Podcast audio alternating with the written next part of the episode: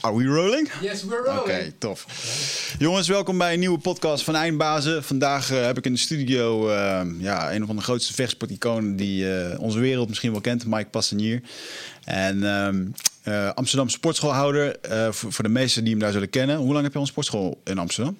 Nou, 19 jaar. 19 jaar, ja. En de meeste... Eigen sportschool, hè? De eigen sportschool, ja. ja voor gaf ik overal hier en daar les natuurlijk. Ja. Zoals iedereen eigenlijk, weet je. En dan, uh, ja, dan word je wegbezuinigd. Of de sportschool die houdt opeens op te bestaan van een of andere dag. Of de belasting komt en die doet een slot op de deur. Ja, of, ja, ja. Je, hebt alles meegemaakt hoor ik. Ja. En, uh, maar de meeste mensen die naar Eindbazen luisteren en die niet bekend zijn in de vechtsport, die zullen jou kennen als uh, ja, de trainer van, uh, van bekende vechters zoals Baller Hari, uh, Gokhan Saki heb je getraind. Je hebt Alice eroverheen met nou, ja, Eigenlijk, wie heeft, er, wie heeft er niet bij getraind? Zijn er een hoop. Um, vandaag ga ik uh, met jou uitgebreid in gesprek over alles. Voordat we dat gaan doen, wil ik eventjes onze sponsoren van Eindbazen bedanken. En dat is totalseat.nl. Uh, een verkopende partij in massagestoelen. Ja, je hebt hem net gemist, Mike. We hadden hier echt een hele dikke massagestoel staan. Oké. Uh, als het ware onderhoud voor je lichaam. En uh, ontzettend dankbaar dat deze jongens ons sponsoren. Dus uh, mocht je nu in quarantainetijd zitten en je voelt je een beetje stijf van het lopen van, de, van het lopen naar de koelkast naar de bank en op en neer. Dan kijk even bij totalseat.nl. bestel daar een stoel en doe ze de groeten van ons. help je heel erg mee. En gymbox.nl ook mooi concept waarbij ze zeecontainers omtoveren tot personal training studio's. Um, uh, heb jij er wel eens van gehoord dat ze dat hebben gedaan? Vet concept hoor. Gewoon uh, een zeecontainer helemaal mooi maken, gewichten erin, alles. En die kan je dan gewoon ergens verplaatsen. Uh, gemeente doet het super makkelijk over, want je hebt geen pandvergunning nodig. Ja, op parkeerplaatsen, bij parken, bij waar, waar, waar, maakt niet uit, weet je. Zo'n zo'n gemeente die kan gewoon zeggen, ja, is goed, want het is binnen een dag weer te verplaatsen. Dus je hebt geen bouwvergunningen nodig en dat soort dingen. super slim concept. Dus kijk daarvoor bij, bij gymbox.nl. en ja, dan ben ik toch eigenlijk wel heel erg blij dat eh, die gym van jou, Mike, dat is wel echt een, een, een paradijs voor. Iedere week als ik er ook kom, dan zijn apparaten weer verschoven. Kan me dat uitleggen? Je hebt een grote gym. Het staat altijd ramvol met spullen. Klopt. Ja, kijk, waar iedereen altijd zegt, ja, je moet heel veel ruimte hebben tussen apparaten, geloof ik daar niet in. Ja. Ik heb bijvoorbeeld uh, gekozen voor kleine kleedkamers, zodat mensen niet te lang in de kleedkamer zitten. Er zijn in de herenkleedkamer ook maar twee douches en er zit nog een, een wand tussen. Het is niet wat je vroeger had, een douche met uh, acht douchen. Ja. Mensen die elkaar zitten te complimenteren hoe goed ze eruit zien onder de douche. Ja. Vind ik allemaal nergens op slaan. Uh, de douche zit ook een, een tijdslimiet aan. Dat, als je erop drukt, dan krijg je 30 seconden water. Ja. Je hoeft er niet voor te betalen. Ik vind dat je gewoon even moet spoelen, moet wassen. Dat is belangrijk, maar je hoeft niet meer te doen daar. Ja. Je hoeft niet hele gesprekken te voeren. de apparaten staan inderdaad weer dicht op elkaar. Want ik Kijk, ik ben eigenlijk net uh, een kind in de snoepzaak. Ik ga naar een beurs toe of ik ga ergens naartoe. Ik zie iets moois. Ik ga naar een andere sportschool. Ik zie een mooi apparaat. Ik denk, oh jee, die moeten we ook hebben. Ja. Maar we gaan eens op een gegeven moment plaatsen. We hebben over de 135 apparaten staan, geloof ik. Ja. En ja, dan moet je ze tegen elkaar zetten. Zodat je nog steeds goed ruimte hebt, dat je elkaar niet stoot. Maar het staat op elkaar. En omdat je niet al, omdat iedereen eigenlijk altijd zijn vaste loopje heb, verander ik ze. Of tenminste, ik. Ik heb uh, mijn gabber Benjamin, die is er heel fanatiek in. Die heeft weer goede ideeën. En ook als we weer open gaan, mogen. Hopelijk zo snel mogelijk. Staat alles weer compleet anders. Ja. Opeens kom je weer andere apparaten tegen, waardoor je je andere, uh, waardoor je spieren op een andere manier stimuleert en blijft groeien. Ja. En ja, ik vind uh, de sportschool is zoals ik het altijd, altijd voor ogen had. Je kan er alles doen. Ja. Als jij kettlebells wil trainen, zijn de kettlebells tot 50 kilo. Ja. ja, wie traint er mij? En je zal het niet weten als je ze niet hebt. Uh, ik heb elastieken, noem het maar op. Ballen, slamballen tot 20 kilo. Ja. Gooi, gooi er maar. Bedenk het maar, ik heb het. En ik heb alles van live fitness en hammer strength. Met één of twee Panatta-apparaten ertussen, omdat die niet gemaakt worden door hammer strength. Ja. Bijvoorbeeld. Ja. En ik heb een paar apparaten van rook, daar ben ik ook heel blij mee. Ja. Ja, het is echt een. Uh, voor de mensen die het niet weten, het zit in Amsterdam Noord. Ozaan. Ozaan, ja. Is dat niet, mag ik dat niet Amsterdam Noord noemen? Ja, mag als Amsterdam Noord. Van mij wel. Weet je, we zijn ook nog steeds uh, Amsterdam. Ja. Maar uh, na de brand in, in, in 2009 was ik aan het zoeken En wij zaten altijd aan de noordkant en NDSM-terrein. Dat is helemaal, eigenlijk helemaal achter in Noord. En eh, ja, de- aan de ene kant er was niet zo heel veel te vinden. Of er moest heel veel verbouwd worden. En aan de andere kant, we konden iets vinden, maar het was aan de andere kant van de, van de ringweg, zeg maar. En dan heet het Ozaan. Ja. En natuurlijk, de Ozaners, ja, die willen geen Amsterdammers genoemd worden. Ja, ja, ja. En zo gaat het een beetje. Alleen, kijk, uiteindelijk zijn hun blij met mij. Of met ons als sportschool. En wij zijn hartstikke blij met hun. Want we hebben een prachtige sportschool neer kunnen zetten. En zonder betaald parkeren. Ja. En, al, en we, staan, we zitten aan de, aan de snelweg. Dus qua locatie zit het perfect. Ja, ja. Ja, wat je net al zei, want je hebt een sportschool gehad, die is toen eh, die is gewoon letterlijk een vlam opgegaan. Ja, 2009 alweer, dat is echt wel nou, zo bijna elf jaar geleden dan. klopt. Bizar. Ehm, want dat, wat is een beetje jouw pad geweest in het hele vechtsportverhaal? Want je hebt ook nog je eigen kroeg gehad. Nee. En, toch? Of je hebt, er Nee. heb je gewerkt in een kroeg? Gewerkt. Ja, dat was het dan. Ja. Ik, eh, ik heb tot mijn twintigste ben ik naar school geweest. En toen kwam ik van school af en toen konden we... eh, en toen zeg maar met mijn diploma, mijn MDS had ik. En eh, dan kan je zeg maar eh, bij de HEMA afdelingsmanager worden. Oké. En dat deed iedereen deed dat dan en eh, dan verdiende je 12, 1300 gulden toen de tijd. En ik eh, ging bij een gokkel werken. Want ik verdiende daar de eerste twee maanden 1800 en daarna 2200. Dus daar koos ik voor. En ik wou gewoon altijd sporten. En, en in een gokhal heb je wisselende diensten, dus je hebt heel veel vrij. Ja, wat deed je daar dan, bij die gokal? Eh, in het begin was ik, eh, ja, moest ik in de rond lopen, kasten bijvullen, eh, jongere gasten eruit sturen, drankjes in de rond te brengen. Oh ja. En na een half jaar was ik assistent bedrijfsleider daar. Of ik ben eerst kassier gewe- geweest, ka- kassier heet dat. En daarna ben ik assistent bedrijfsleider geworden. En dat deed ik ook nog een beetje eh, kassier als, eh, als er iemand niet kwam opdagen. En daarna was ik bedrijfsleider op het Rembrandtplein. En toen was ik op vrijdag en zaterdag, ja. Dan gingen we natuurlijk altijd even naar, het, eh, naar de Café Nest, dat toen. Of naar andere cafés. Eh, Café Uniek, of Monico, noem het maar op. Café Centrum. En eh, toen dacht ik, nee, wacht even. Ja, iedere keer zit ik hier dan. Dat kost een hoop geld. Maar als ik nou eens die glaas op ga halen. Dan ben ik klaar. Het gaat zo meteen pas beginnen later. Dan heb ik wat geld in mijn zak. Kost die avond me niks. Dus zo ben ik in de horeca beland. En dan moet ik ook nog zeggen, toen ik 16 was, was een gabber van mij, Bobby van der Kamp.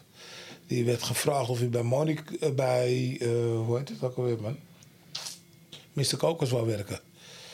En die vroeg mij, wil je me helpen? Nou, toen hebben we dat een keer gedaan, een paar keer. En daarna konden ze het zonder ons. Nou, goed. En dan vonden we het toch altijd wel hartstikke leuk, vond ik het. En op een gegeven moment eh, was ik gestopt bij de spielotheek. Sigokal. En ging bij de Nestie werken. Daar heb ik heel even gewerkt. En toen kon er één een contract krijgen. En toen was die andere jongen het geworden. En toen heb ik gesolliciteerd bij Café Coffee Shop De Highlander. Van, eh, dat was van Tom en Hansie. En eh Hansie, die was heel eh meedenkend. En ook, ook zijn gabber, Leo.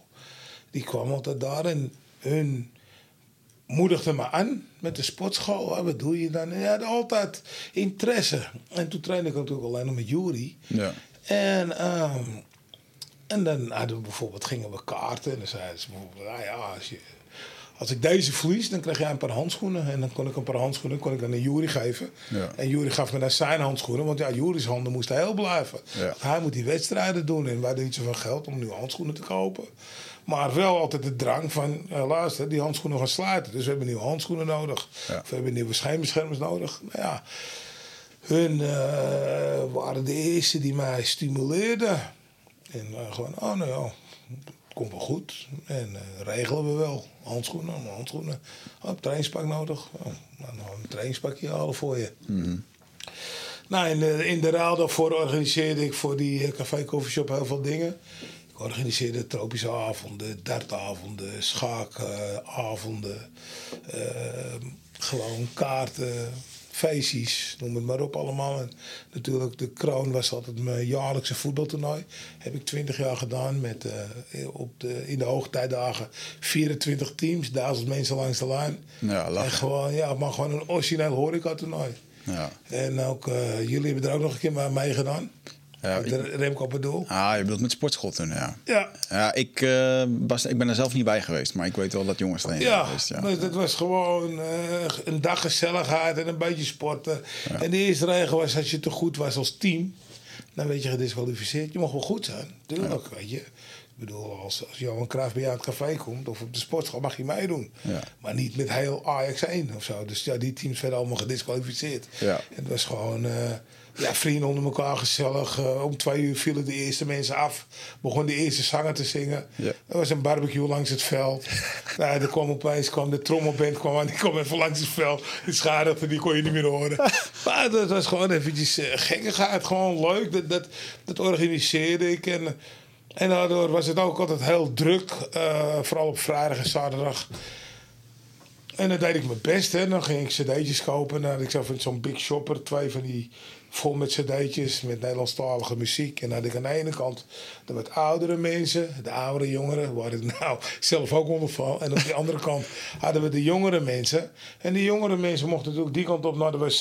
En die kant op, daar waren de, de, de dingen zoals Playfit. En, eh, en, de- en de tarten en, en een eh, pooltafel. En aan de andere kant stonden die ouderen gewoon lekker rustig. Niet door elkaar gemengd. En gewoon lekker eh, de Nederlandstalige liedjes mee te zingen en te doen. Microfoon in de ronde. Nou, en als het je niet bevalt, nou, dan ging je toch weg. Dus Mooi. dat hebben we gedaan. Even later, eh, toen eh, kreeg je een aanbieding van eh, Wessel. Eh, Wessel die komt altijd op onze toernoois. Het is ook een heel grote vechtsportfan. Hij heeft nou een, eh, een eh, sigarenwinkel in, in Diemen. Hij heeft hij nu. En, maar die had toen vroeger een coffeeshop Best Friends. En dat was een hele drukke coffeeshop. En hij zei, ik ga een café beginnen. Hoe doe jij het met die vergunningen? Vergunningen? Doe ik niet aan, man. Hij zei, ja, maar je moet toch vergunningen hebben? Ik zei, ja, man, dat regelt Joyce. En Joyce was toen de, de vrouw van Hans. Die, ja, ik zeg, dat weet ik niet. Ik zeg gewoon, hey, ik ga dat toernooi doen. Wat vind je ervan? En Hans die haalt altijd zijn schouders op. Maar, is het gezellig? Ja, is hartstikke gezellig. Maar doe maar. Snap je? Dan gingen we natuurlijk eerst eventjes allemaal met z'n allen naar de dartzaak. Allemaal nieuwe dart, dartpijltjes halen. En dan moesten we even oefenen. En dan hadden we... Ja, dat, zo ging het gewoon. En eh nou, dat... eh, dus zei hij... Dus, het is toch... Ja, café, dan moet je het toch weten. Ik zeg, maar ik werk er alleen maar, man. En toen zei hij tegen mij van... eh, ja, dan wil ik dat je bij mij komt werken. Ik zei, oké. Nou, ik krijg een paar mei meer per week. En een dag minder werken per week. Of anderhalf, twee dagen zelfs. Maar oké. Maar ja, eh Wessel had ook eh, die, had die coffeeshop. En is een beetje een andere... eh, hoe zeg je dat nou? Een beetje andere omgang. Dan dat, dan dat ik gewend was. Dus ja, na een half jaar kwam Café Sean van Café Het Lommetje. Die, die, die, die kwam die zegt, nou Mike, wil het bij mij niet proberen? Want mijn gabber, die is helaas overleden, Rick. En die werkte daar. En, en het was nou een half jaar en ze konden geen gepast iemand vinden. En ze denken, nou als jij hier bent is het goed. Maar je moet zo zien, het lommetje is zeg maar 700 meter van de Highlander verdwenen, eh, afstand. Dus daar was ik, die hele tent vol. Eh, het lommetje was ook altijd nog vol. Dus toen ging ik eerst op een zondag werken op de drukste zondag die ze hadden. Want hij ze enclave, ze, en ze hadden een speurtocht en eh, er was voetbal. En dus ja, dan stroomden de cafés vol. Ja, ik stond daar alsof ik natuurlijk nog nooit iets anders gedaan had. En toen zei ze, nou, ik wil dat je hier komt werken. Dus toen kreeg ik en hetzelfde salaris en geen verantwoording meer. Want bij Wessel was ik een soort chef.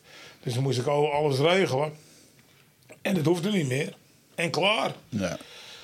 Nou ja, Dus ik denk, nou ja, ik ga even kijken. Dit was weer in de buurt, anders moest ik steeds rijden. En je weet natuurlijk wel, eh, soms eh, moest je ook dit hele stuk weer terug.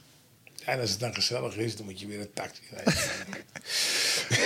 ja. Want Mike houdt wel van een biertje. Ja, nou ja, dat hoort bij de gezelligheid toch. Weet je, je hebt over die barkeepers die een beetje... Als iemand je wat te drinken aanbiedt. Zo zie ik het. En dat kost uh, 2,75. En als je dan werkt voor een tientje, dat betekent dat je meer dan een kwartier gaat werken. Om te zeggen, alsjeblieft, wil jij voor mij wat te drinken?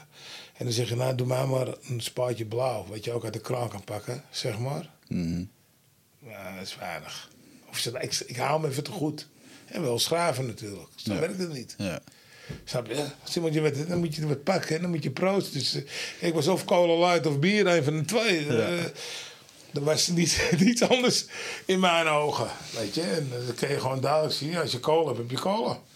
Dan heb je niet... eh, ja, dat, dat vond ik altijd nergens op slaan als mensen dat deden. Dacht ik, Maar oké, het is wat hun doen.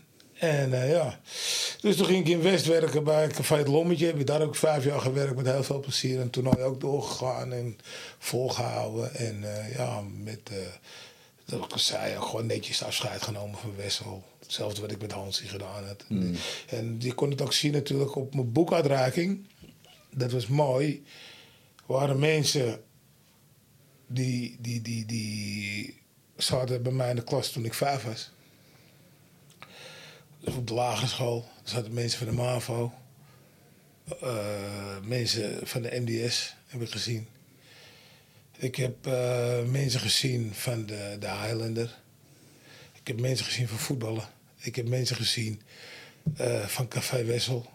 Ik heb mensen gezien Ja. van het lommetje. ik heb mensen gezien uit Landsmeer. Weet je, dus ja, dat, dat, dat, dat deed me gewoon heel veel, weet je. Dus ja, maar dat... Ik zei ook later tegen, tegen mevrouw Sylvia van... Ja, weet je, ja, dat kan natuurlijk niet als je overal maar een beetje een zootje van maakt. Dat je een grote hond bent, weet je. Dus je moet dingen netjes afsluiten. En, en dan kan je verder. Dus ik ben bij eh, het lommetje... eh, ja, dus ook Wessel, als we een wedstrijd hadden met Jury bij Wessel, die bestelde gewoon een bus. En er gingen allemaal mensen. En eh, ja, nou stap er maar in, jongens. En we rijden naartoe. Ja. Allemaal een kaartje en terug. En, en bij het lommetje, die bestelde ook gewoon een bus. En die deed er nog een, een heel stapel drank in. Met bier en cola. En blikjes Bacardi cola. En, en blikjes 7-Up. En, Echt en- sportmannen. ja, en broodjes. En dan gingen die mensen er naartoe. Maar dat, dat, is, dat was wel hartstikke leuk. Kijk, waar de jongens aan de bar. En een kaartje kostte 100 gulden. Ja. En eh, in het begin. En dan konden die mensen niet betalen. En naar de hand 100 euro. En dan, maar in het begin was het nog steeds in, eh, in de extra hal. Hè, van Simon Ruts. En dan nou, moest Jury vechten natuurlijk. Onze Joer moest vechten. Ja. En dat ik natuurlijk dat ja, Joke Stijl moest ook vechten. En, en Ja. Melvin later.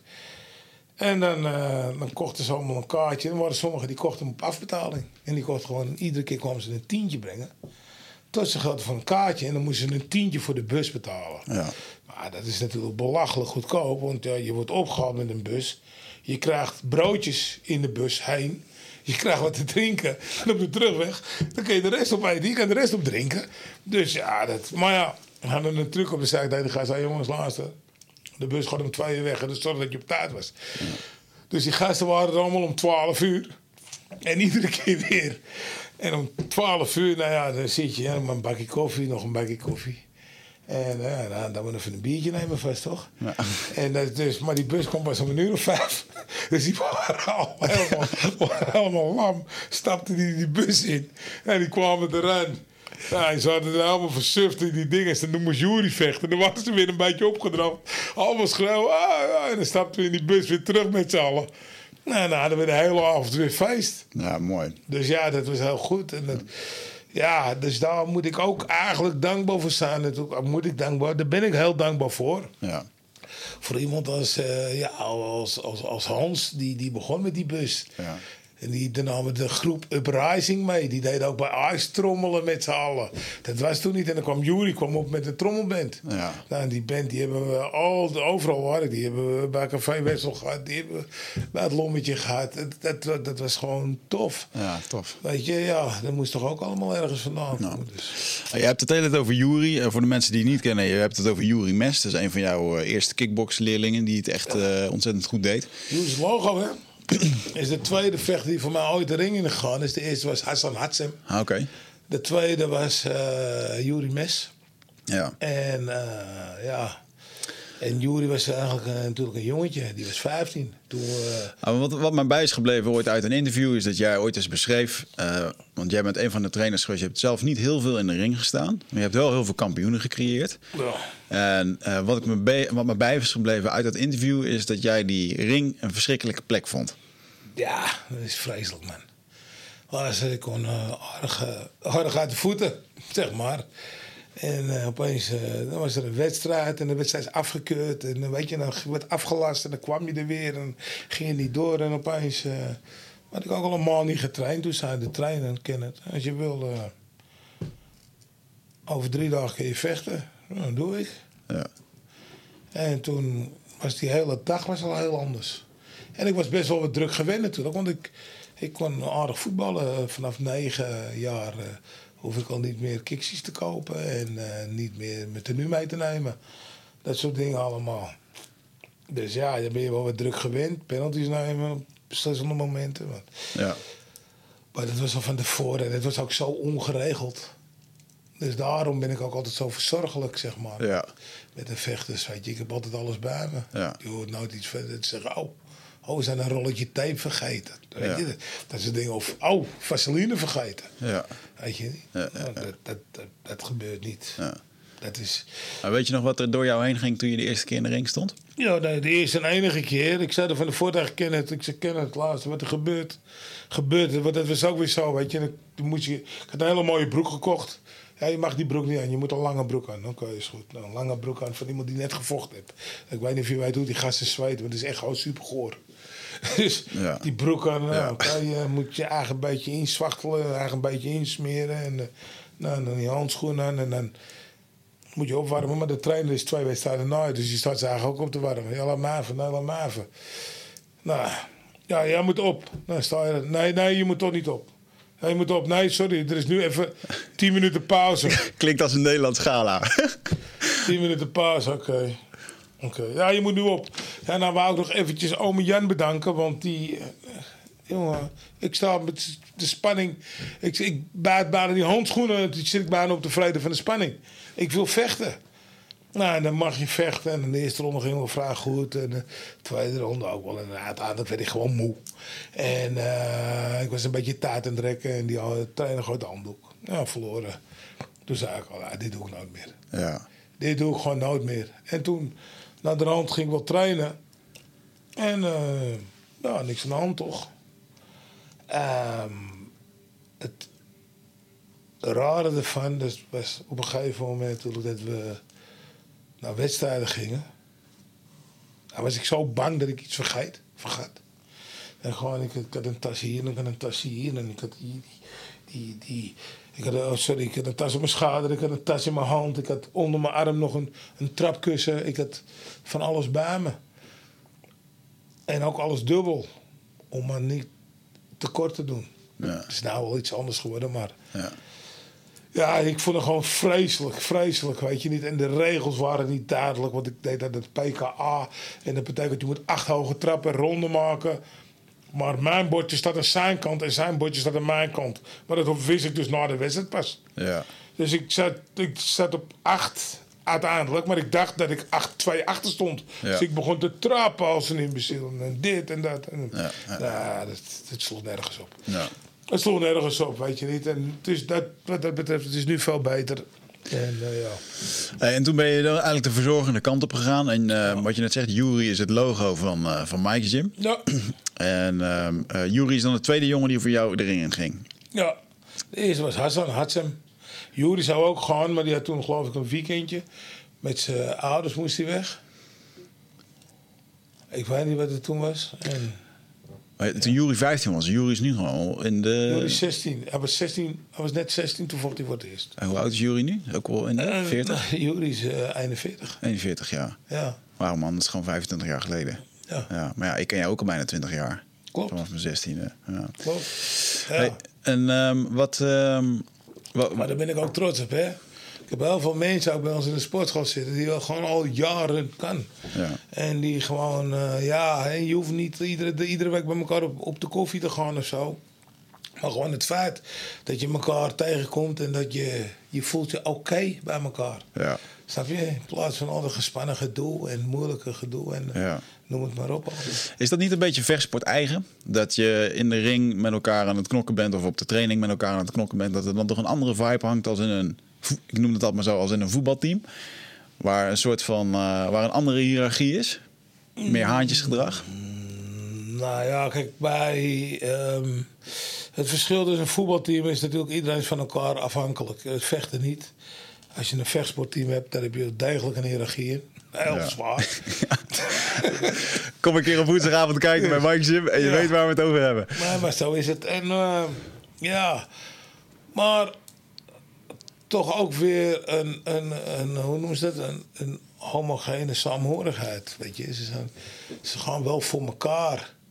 Alleen het zijn allemaal eenmanszaakjes die samen moeten werken om beter te worden. Ja, En als je niet voor een ander wil werken, zal je zelf ook niet beter worden. En dat is eigenlijk een beetje. Kijk, je kan bijvoorbeeld voetballen. Dus kun je bijvoorbeeld op het, eh, als rechtsback staan of als voorstopper. En als je team zo goed is dat je alleen maar aan de andere kant speelt. Dan word jij niet daarop afgerekend. Je wordt op die ene keer afgerekend dat je die bal toevallig wel wegschiet. Nou ja, krijg je een keer een doelpunt tegen zich. Ja, ja, kan gebeuren. ja, Alleen ja, met kickbox, als je verlies je. ja. Dan houdt het op. Maar je moet dus toch met elkaar werken. Je kan niet anoniem zijn. Ja, ja. Eh, maar goed, je bent nu eh, uitgegroeid. eh, want ja, je, je hebt best wel wat gesproken over de vroegere tijd. En je hebt nu een. eh, ja, als je kijkt naar de grote gala's, eh, K1, Glory nu. Eigenlijk staat Glory gewoon gevuld met jouw sportschool. Zo'n beetje. Daar hadden nog meer bij gekund, maar dan blijft er niks meer over, volgens mij. Letterlijk, ook niet van de tegenstanders. Ja. Eh, hoe is dat voor jou? Dat je zo'n, eh, voel je, vind je dat zelf ook dat je een eh, soort van ja, bepalende positie hebt met je sportschool in de sport? Nee, ja, dat zie je zelf niet zo. Ja, Ik zie niet dat ik een bepaalde positie heb. Ik bedoel, ik kan wel zeggen, ja. Ja, ik, het, ik heb had veel vechters in Glory. zijn een paar weggegaan. ja, Ehm, ja, hoe kan dat? Eh, ten eerste lever ik altijd kwaliteit. Er komen jongens komen altijd om te vechten. Daar wil je, daar wil je gewoon een kaartje voor, voor, voor, voor eh, betalen. ja, Eh win of niet. Dus daar gaat het om. Tweede, ik heb altijd mensen klaarstaan. Dat vergeet ook een hoop mensen. Die zeggen, ja, hij heeft weer een vechter van Mike. Maar als ze eerst een heel rondje door Nederland zijn gegaan... wezen shoppen of, om de, of er iemand ergens in Frankrijk... over eh, twee dagen 70 kilo wil wegen... en dan hoor je altijd, ja, en dan tegen wie en waar en dit en dat. En waarin ik altijd zeg, nou ja, ik heb toevallig een jongen in de rond te lopen... En ik wil, het enige wat ik wil, is dat als hij goed vecht, niet eens als hij wint, als hij gewoon goed vecht, dat hij gewoon nog een kans krijgt. En meestal pakken die jongens die eerste kans wel. ja, En daar waar anderen altijd zitten, ja, maar ja, eh, mijn vechter weegt nu 78 kilo. eh, kunnen we ook op 74 vechten? Ja, maar het gewicht is 70 kilo. Snap je? Dat soort dingen allemaal. Ja. Ja, ik wil wel, maar niet deze keer, dan wil ik volgende keer. Eh, Dat soort, weet je? ja, Maar als gewoon, oké, is goed. Weet je, als, je- als je geroepen wordt, moet je het gewoon doen. ja, En als je het niet doet, dan meestal is er dan ook eigenlijk geen weg voor de samenwerking tussen mij en die vechter meer. Dan, ja. eigenlijk. Ja. Hoeveel vechters heb je nu actief eh, rondlopen? Ja, ik denk zo'n 25. 25, ja. ja. En ehm, eh, jij organiseerde zelf ook wel veel gala's. Gewoon, eh, nu doe je dat in de sportschool. Ja. En Amst Noord gestoord was jullie gala. ik Ja, moet wel ja. zeggen, Mike, de originaliteit en je branding, die is goed. Want je hebt natuurlijk de bekende t-shirts, de vaak schreeuwerige logo's, knalgeel, knaloranje. Wat is daar het idee achter? Ook de sportschool, die is helemaal in stijl van, eh, van het geel en het zwart. Zwart-geel natuurlijk. Luister, het is heel simpel. eh. Kijk, op een gegeven moment, je hebt de sportschool, je moet gaan kiezen. Nou, dan, dan laat ik eerst eventjes het logo uitleggen. Het logo is al simpel. Ehm, ik wou een logo hebben, wou ik eigenlijk een oude Thaise vechter hebben die 300 partijen heeft met allemaal scheuren en snijden en littekens in zijn gezicht. Maar dat kon je toen nog niet zo goed drukken. Ja.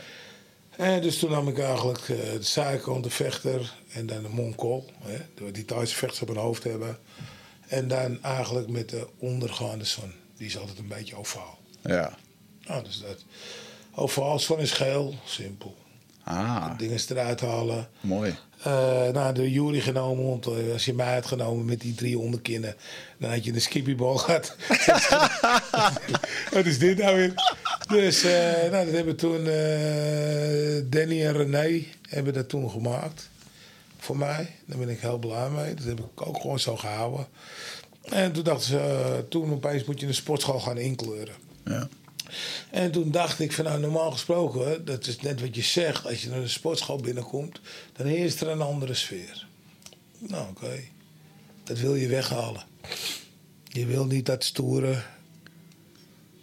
eh, je wil sporters wil je hebben, atleten. Dat wil je hebben. Ja. En dat ze toevallig kunnen knokken, dat is mooi meegenomen. Ja. Maar als je niet kan knokken, moet je gewoon je eigen op je gemak voelen. En net wat ik al zei over mijn sportschool, moet je gewoon je ding kunnen doen. Ja. Dus wat heb ik gedaan? Ik heb het plafond geel geschilderd en al de muren geel geschilderd. Want geel is de kleur van de zon. En als de zon schijnt, is iedereen blij en happy toch? Dus op het moment als mensen de sportschool binnenkomen, Ja. dan komen ze al een beetje van, ach, moeten we daarheen. En dan komen ze opeens binnen en dan ontspannen ze. En dan, want de sportschool is geel.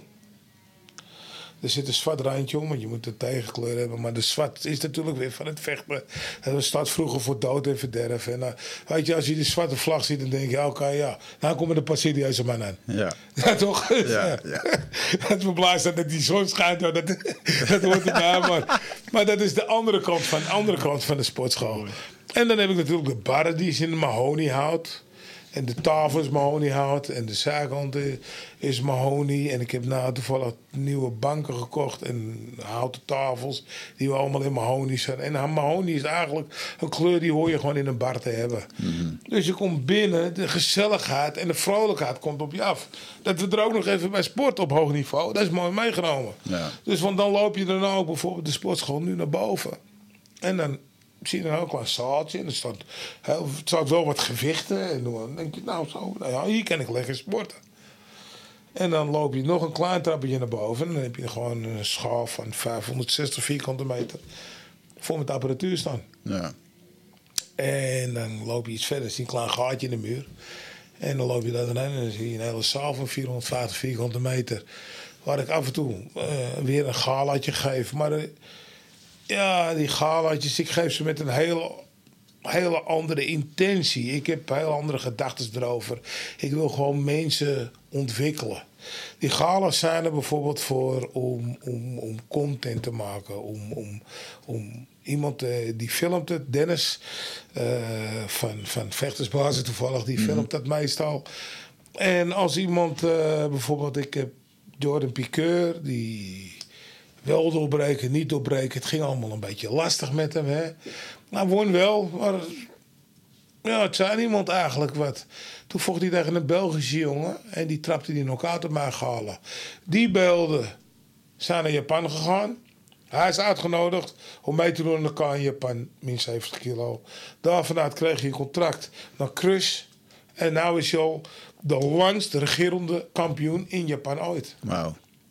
Nou, dus dat komt allemaal van een kleine galaatje af. Dus dat is niet zo. En dan zeg ik ook tegen die jongens: eh, wie op mijn gala altijd vecht, eh, vocht, mag nou niet meer. Myrtle. Myrtle vocht altijd op mijn galas. Maar als Myrtle twee wedstrijden verloren had, dan was dit een gala om hem te pushen. Ja. En iedereen ging achter hem staan. En dat vonden ze geweldig. En zelfs eh, voor anderhalf jaar geleden, denk ik, twee jaar geleden, vocht hij nog tegen Jamie de Vries, een oude jongen van mij. Omdat we hadden geen hoofdpartij. En James, nou, dan doe ik het toch wel. Eh, Murray je zich om en je zich om en ze gingen tegen elkaar. Gewoon om de mensen te vermaken. Ja. Eh, ja, dan heb je ook eh, op hetzelfde gala komt Massaro vandaan. Hetzelfde, hetzelfde ding. Up. Die ging naar K1. Van K1 een tijdje ging hij naar in China vechten. China wel niet terug naar Japan, K1. Maar het komt allemaal van, het, van die footage van dat gala. Ja. En dat dat heet, nu heet het dan One More, niet meer Nooit Gestoord. Maar eh, ja, dat komt daar vanaf. Of uh, Anissa Hadawi. Ja, zij vecht en ja, ik haal een meisje uit Duitsland voor haar. En dan zeg ik, zei ik tegen die... Ik zeg ook tegen ja, sorry, kan je een beetje geld geven? Het zijn aanvechters, kan je een beetje geld geven? Maar dat is niet de insteek van dit gala. Snap je? En ik ben er ook niet, ik doe die dingen ook niet om rijk te worden. Ja. Ik moet ook eerlijk zeggen, meestal verlies ik er ook niet aan. Hè? Maar we, we komen een beetje rond kiet. We houden 1000 euro over, 500 euro over. Met het gaan we s'avonds naar het café, toen ben ik het ook weer kwijt. Ja. Weet je, aan die mensen allemaal wat te eten, allemaal wat te drinken. Want ik laat ook bijvoorbeeld ons gala. eh, zijn 25 partijen. Is van 1 uur s middags tot 5, 6 uur s middags. niet meer. Vroeger had ik hele lange galas. Ja. Dat heb ik niet meer. Daarbij heb ik denk ik iets van 18 tot 20 buitenlandse vechters. Dus die nooit een kaartje verkopen. En die zit ik tegen onze jongens. Of tegen jongens voor, van Sers Gym. Of van Manhoef Gym. Eh, of van Bari Gym. Vechten dan tegen Duitse vechters. En dan die Duitsers die, die komen een dag van tevoren. Die zit ik in een hotel netjes. Die komen wegen. Die rijden s'avonds voor ze terug gaan. Gaan ze mee naar Café de Driesprong. Krijgen ze wat te eten, wat te drinken. En dan rijden ze rustig terug. Sommigen zeggen, Mike, ik moet wat eerder rijden. Dan, dan ga je eerder. Ook goed. Maar het is, eh, ja, daar is het, daar is het galen voor. Maar Anis had ik dat meisje uit Duitsland gehad. Daar won ze van.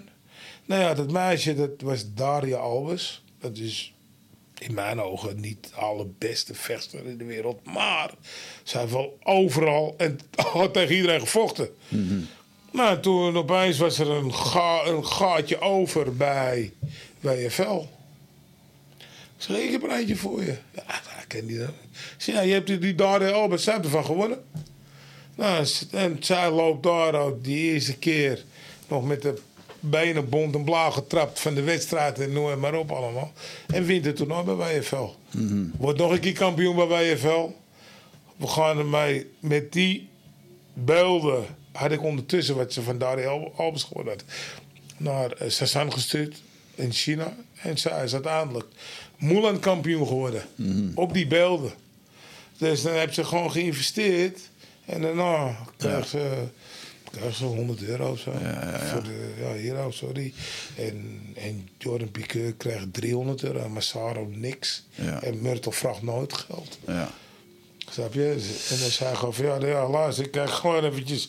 Ja, ik heb 1000 euro, hier heb jij er drie. Ja. Is het goed? En dan kunnen ze nee zeggen. En je mag ook zeggen, ja, normaal krijg ik 1500. Ja, oké, is goed, maar dan vecht je niet op mij gehaald. Ja. Ja. Maar, ook, maar het is ook leuk. Bijvoorbeeld me- eh, meisjes, jochies van 10, 15. Noem het maar op. Of je bent net... Eigenlijk ben je nog C-klasse, beginnend B. Je vecht tegen een A-klasse uit Engeland. Maar ik laat die mensen wel komen. Ja. Die moeten ook betaald worden en de hotels Ja. moeten ook betaald worden. Ja. En als ze komen dan, en ze hebben gewogen, dan moeten ze ook wat eten. Dan ga je niet zeggen, nou ja, eh, jongens, eh, zoek het maar uit. Ja. Want je weet zelf, die jongens die, komt, die komen ook wel eens vaak voor het eerst in het buitenland. Ja. En toen wij voor het eerst in het buitenland wisten we ook niet hoe het werkte daar. Nee. En dan ga je ook niet eh, zeggen, nou oké, we pakken wel even een Uber of we nemen even een taxi. Dat doe je niet, want je hebt zelf geen geld in je zak. Ja. Hè? Dus, dan moet je, dus dan moet je het goed verzorgen. Dan, eh, dan laat ik de plaatselijke Chinees bel ik op. En die heeft dan een maatje eh, nasi. En die heeft een gewone nasi. En, die, en dan kunnen ze kiezen en dan kunnen ze eten. En dan zeg ik, nou ja, we zijn... eh, we doen eh, met eh één bak, dat doe je meestal met z'n tweeën of met z'n drieën. Dus ik denk, nou oké, 15 man, eh doe mij eh, zeven of acht van die bakken. En dan eh, een paar satéetjes erbij. Mooi, hè? Ja, ik, vind het, ik vind het, moet ik eens even onderbreken. Ik vind het heel grappig hoe je hier nu over praat. Want ik hoor de Amsterdamse eh, goedheid en gezelligheid hoor ik er dus dus tussendoor. Eh, en dan heb je het over een klein in Amsterdam. Terwijl de andere zijde is dat jij eh, met wereldtoppers als een Baller Hari en een... Saki.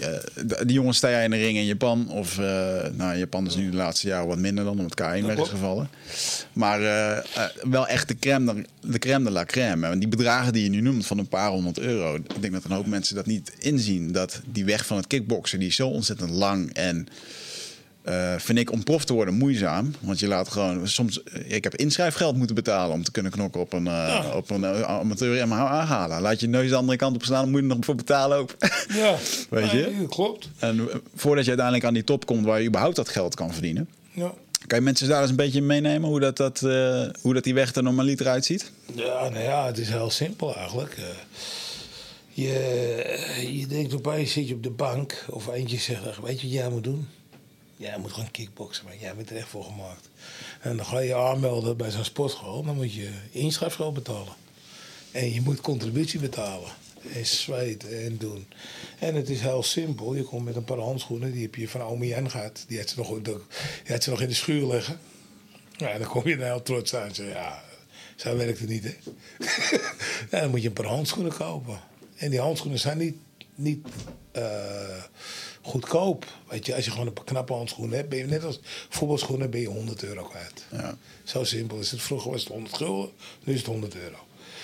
Nou, oké, okay, scheenbescherm is nodig. En dan moet je trainen, trainen, trainen, tot je opeens eindelijk uitgekozen wordt. En de trainer zegt, doe jij maar mee met de wedstrijdploeg. Nou, dan denk je dat je een hele man bent. Nou, dan word je natuurlijk even flink in elkaar gebeukt. Maar ja, flink in elkaar gebeukt is ook weer een beetje... eh, die krijgt met voetbal hardere trappen. Dat weet ik uit ervaring. Ja, nou ja, ik laat het zo zeggen, als je voetbalt, dan krijg je meer blessures dan met kickboksen. Nou, vaak wel. Nou ja, ehm, dus en dan op een gegeven moment dan mag je een wedstrijd doen. Maar dan heb je, ja, dan moet je eerst eigenlijk door drie, vier nieuwelingen heen. Dan krijg je zes, zeven C-partijtjes. Dan krijg je een stuk of vijf tot acht B-partijen. Eer je naar de A-klasse kan. En eh, bij de B-partij verdien je 150 euro als je wint en 100 euro als je verliest. Maar ik, het is ook weer niet zo dat je iedere week een wedstrijd kan doen. Nee. Ik heb het bijvoorbeeld met Myrtle wel gedaan. Myrtle vocht op een gegeven moment drie keer in de maand. En eh, ja, maar Myrtle is weer een heel ander geval. Uh, Myrtle, eh, Fernando, zijn broertje trouwens ook. Maar ja, ik zeg gewoon, luister, als jij wat wil bereiken, dan moet je doen zoals ik het wil. En anders houdt het op. En ja, geblesseerd of niet, ja, je moet toch de ring in. Dan doe je maar niet trappen. Dan moet je maar zorgen dat je sterker bent. Dan moet je maar meer gaan boksen. Nou, we hebben het wel allemaal gedaan. Ja. En, maar ja, kijk dan waar hij nu terecht is gekomen. Ja. Maar is dat verantwoord, die manier zoals je dat nu noemt? Zo van als je geblesseerd Ja, bent, nou dan ja. knokken. Jawel. Tuurlijk, als het niet verantwoord is, dan zou ik het niet doen natuurlijk. Kijk, er zijn sommige jongens die hoeven niet eh, zo vaak de ring in. Of die kunnen niet zo vaak de ring in. Eh, dat is een ander soort vechters. Maar ja, voor Myrtle vond ik dat gewoon de juiste manier. Ja. Juri, zei ik tegen Juri, nou, maar ik wist toen wist ik ook natuurlijk nog niet zoveel, hè. Dat moet je ook niet vergeten. En ja, Joer, luister, laten we zeggen drie weken voordat, we, voordat de wedstrijd is, dan gaan we niet meer uit en naar de film en dat soort dingen. Nou, oké, zei hij, is goed. Dus ik zorg dat hij iedere vier weken wedstrijd hebt. Dus wat krijg je op een gegeven moment? Een jongen die niet rookt, die niet drinkt, die geen drugs doet. Want iedere keer moet hij klaar zijn voor zijn wedstrijd. Ja. Dat was mijn filosofie erachter. En met Myrtle is gewoon heel simpel. Eh, ja, het is een ander soort jongen. Die jongen die moest een blauw pak aan op een gegeven moment toen hij 16 was. En dan was hij eh, loodgieter. En omdat hij zo mager was als maar wezen kon, moest hij in al die kruipruimtes en zo. En ik zei gewoon tegen hem, als wij nou gewoon zoveel mogelijk vechten, dat jij zo goed mogelijk wordt, kun je zo meteen geld verdienen. En dan hoef jij niet meer zoveel te werken. Ja. Nou ja, zou kan kiezen. Dat aan de ene kant natuurlijk eh, zijn hand een klein beetje misvormd is, zeg maar, van het slaan. Ja. Ja, dan leert hij wel leven. Maar aan de andere kant, eh, met alle respect, had hij nooit de kleren gedragen en de auto gereden die, die hij nou wel rijdt. Of het Ja. huis wonen. wat hij nou hebt, zeg maar, als hij gewoon eh loodgieter had gebleven, zeg maar. Ja. Ja. Dat is de andere kant van de medaille, hè? Ja, zit, zit Myrtle niet in dat stukje top wat... ehm, want de kickboxwereld is best wel groot en MMA-wereld ook. En we kijken natuurlijk naar de UFC, Pride, Glory. Eh, maar uiteindelijk is dat eh, de top 1% die er, die er rondloopt in de wereld. Klopt. En, eh, hoe, moeilijk is het om daar te komen? Ja, nou ja. Kan iedereen daar komen, volgens jou? Mm, ja. Of heb je ook wel eens mensen verteld van, joh... eh, Ja, nou ja, er zijn natuurlijk niet sommige mensen, weet je, soms moet je wel even realistisch zijn, hè. Eh, dat je, van, nou ja, oké, je doet zo je best en nog lukt het niet. Maar er zijn ook mensen, dan heb ik gezien, die verliezen steeds op het moment dat het erom gaat. Sommige wedstrijden, je moet sommige beslissende wedstrijden moet je winnen. ja. En, en soms winnen ze die niet. Maar dan vraag ik ook van, luister. Bijvoorbeeld, je bent kampioen bij bo- in boksen geweest. Nederlands kampioen, Europees kampioen. We hebben een titeltje met MMA gewonnen. We hebben met kickboksen hebben we die titel, die titel, die titel gewonnen. Misschien moet je het afwegen.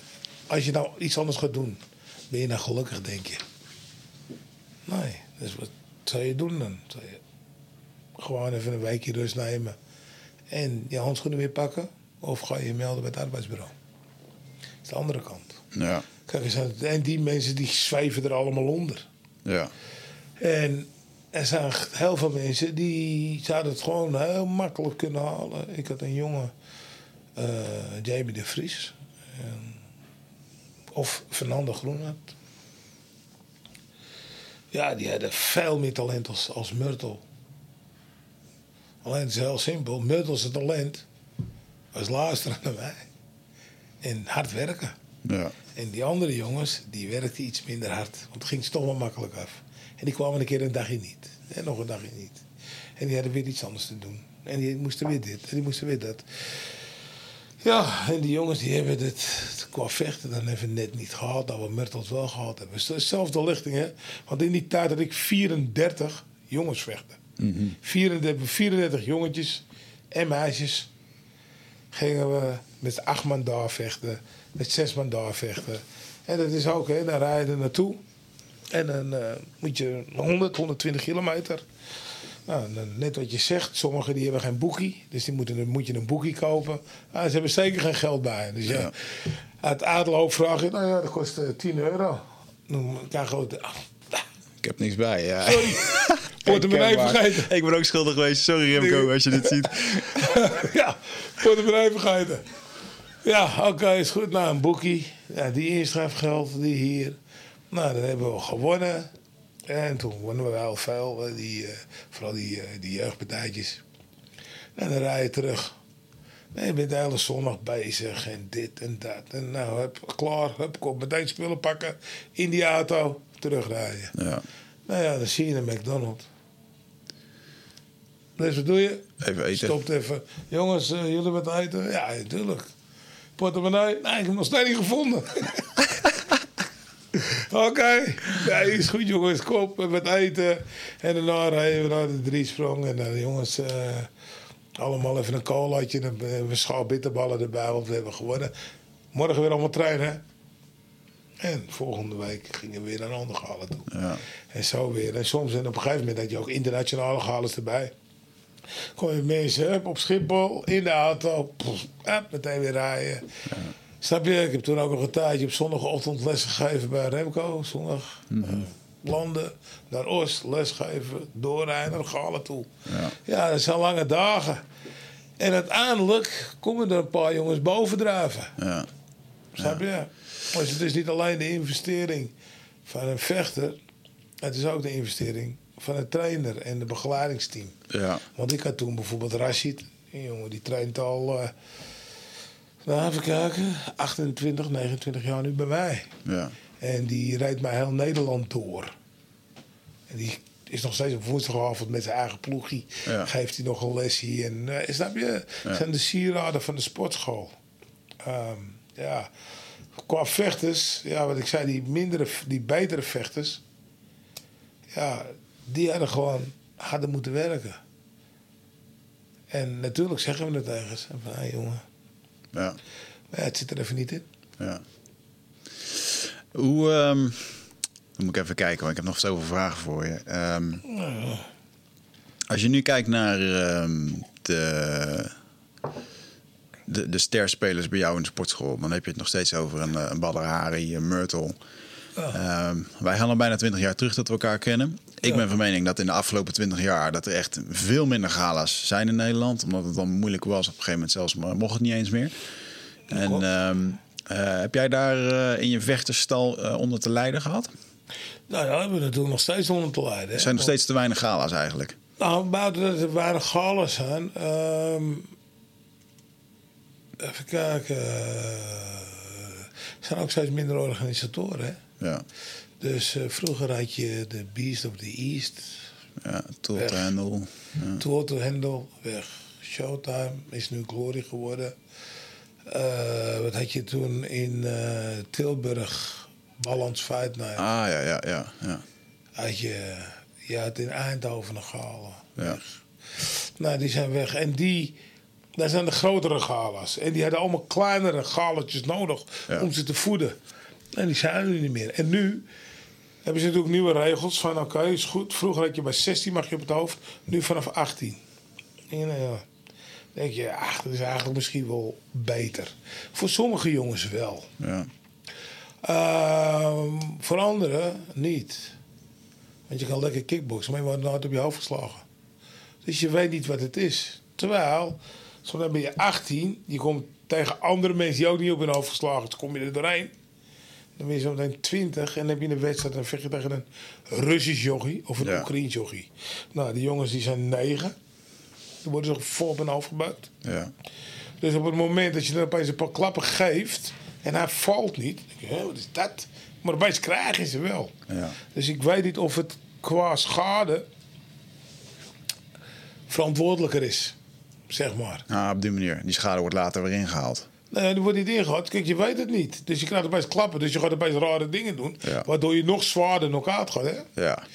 Dus dat is, dat is één. Nou, nou, nou vind ik ook eh, sommige dingen, daar moet wel een halt aan geroepen worden. Hoor. Want je hebt ook van die gasten, die, van jochies. En die hebben 50 partijen. Die vecht tegen een jongetje, die heeft twee partijen gedaan. Ja. Die komt heel vrolijk, vader, moeder, oom, tante. En eh, die loopt naar die ring toe en die hoi. Pa, hero. Twee handjes zwaaien. En dan staat er eentje in de ring en komt de stoom uit zijn neus. En denk ik, ah, dat kan nooit goed gaan. Ja. Ja, dat is, eh, dat is ook natuurlijk het geval. Ja, ja. Eh, mm, ja, ik vind van niet. Ik, dat, dat hoort niet. Eh, wat kan je er tegen doen? Nou ja, kijk, ik ben bijvoorbeeld een, een, een opleiding begonnen. Om mensen te leren hoe moet je lesgeven. Want er wordt veel onverantwoord lesgegeven. Ja, in mijn ogen wel. Weet je niet te kijken op zo'n galletje. staan een paar gasten in een petje geven. en Zo'n tasje aan de zijkant. In een hele mooie spijkerbroek voor 600, 700 euro. Dat hoort niet. Heeft niks met sport te maken. Nee. Nee. En ehm, ja, dat hoort niet. Weet je. En ik vind gewoon, dat moet aan banden zijn. En waar, waar mist dan die verantwoording in? Dat ze mensen te vroeg de ring insturen? Dat ze dingen aanleren die echt nergens op slaan? Nou, sommige mensen, sommige jongetjes, die willen eigenlijk niet eens vechten. Ah, ja. Dat heb ik wel gezien. Kijk, dan heb je bijvoorbeeld eh, pa en ma. Die lopen in zo'n trainingspak. En eh, met de, de, de plaatselijke koffieshop op de rug. Sigarenboel voorop. Eh noem maar op. En een heel grote boven. Team Wiggert.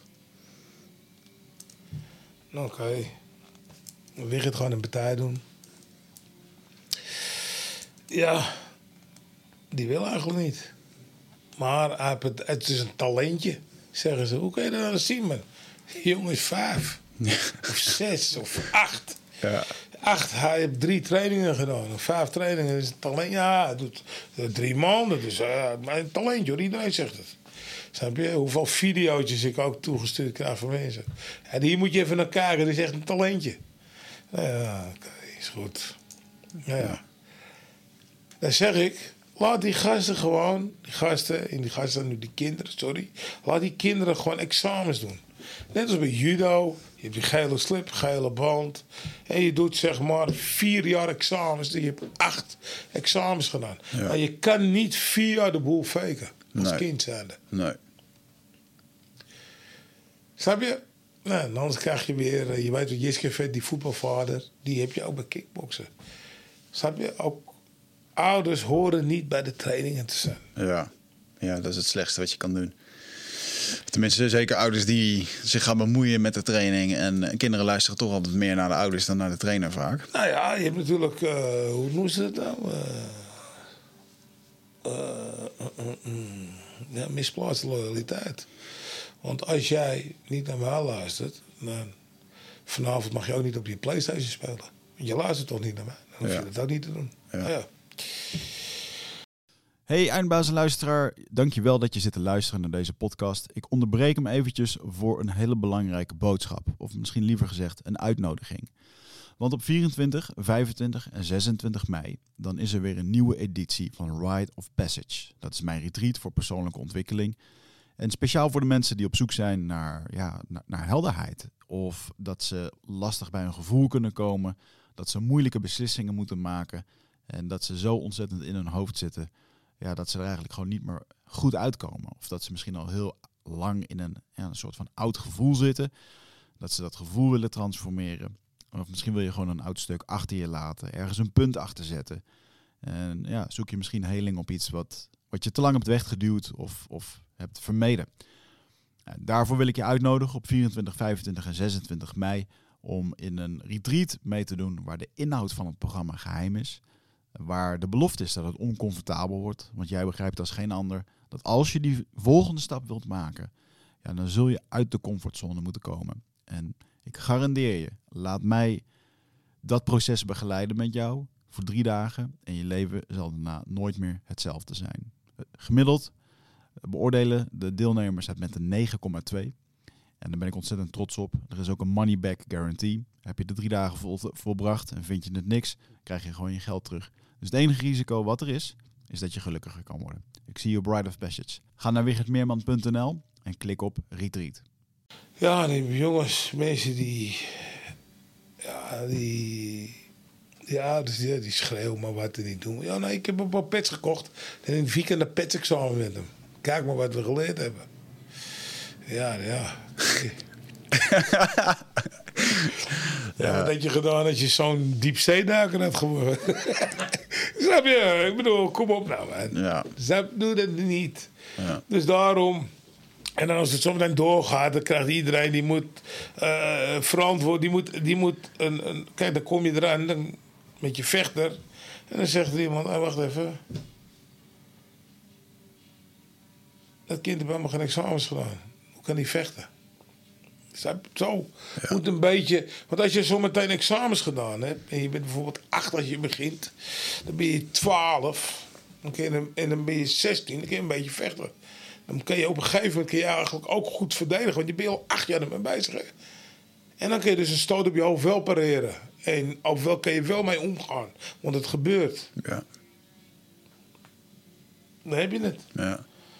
En zometeen komt er ook iemand die zegt: hey, Oké, wie staat er dan in jouw hoek? Ja, dat is mijn trainer. En die, die, maar die heeft geen diploma. Nee, dat kan niet, want ik heb eh, LTS gedaan en ik kan heel goed eh, voetballen. Ja, maar ik kan niet kickboksen. Ja, maar ik heb ook één wedstrijd gedaan. Oh, één wedstrijd, oké, is goed. Ja. Snap je? Dan zie je het ook de mensen die hebben. De kinderen die hebben eh, de klappen gehad. Dan komen ze terug, dan krijgen ze meteen zo'n trainer een catch. meteen met zijn handen omhoog. Ja. Ja, dat kan niet. Weet je niet. Dat, dat- je moet ook een beetje waken. En, en, en zolang dat nog niet goed is, zal de kickbox altijd nog een beetje achtergeschoven zijn. Dus dat en natuurlijk het feit dat we kickboksen en MMA altijd, eh, dat is misschien typisch Nederlands, altijd eh, moeten klagen over een ander. Ja. Hij dit, hij dat. Waarom doe je niet... Waarom als iemand goed is... Kun je niet eens blij zijn voor een ander?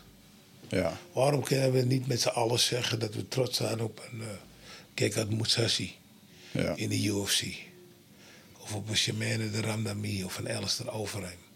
ja, het Nederlandse publiek is wat dat betreft eh, Of eh, Stefan Struve.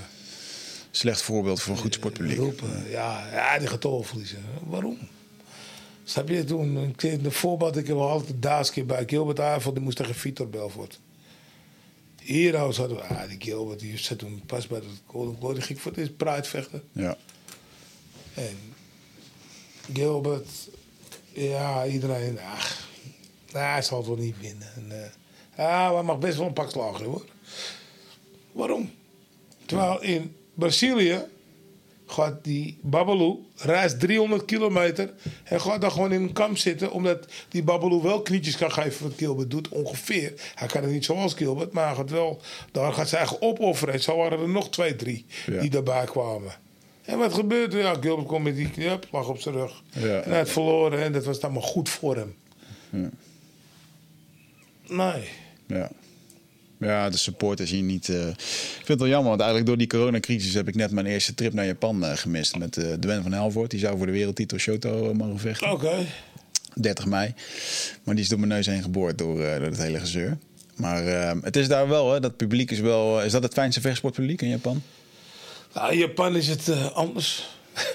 In Japan is het anders. In Japan. eh, Zegt hij met een grote glimlach. ja, nou ja. Waar is er. eh, nu komen de zelfde verhalen. Nee, nee, nee. In Japan eh, vroeger. Was er een man die kwam altijd, die had een speelgoedzaak. Die kwam ons altijd een bruine zak brengen. En in die zak zaten foto's. En die maakte die zelf. En dat was altijd voor de wedstrijd ervoor. En hij had een speelgoedzak en dan bracht altijd speelgoed mee. Dus ik heb voor mijn zoon had altijd heel veel kaartjes. En I- dit is in Japan. in Japan. Heb je het dan over die Susumu? Die fotograaf?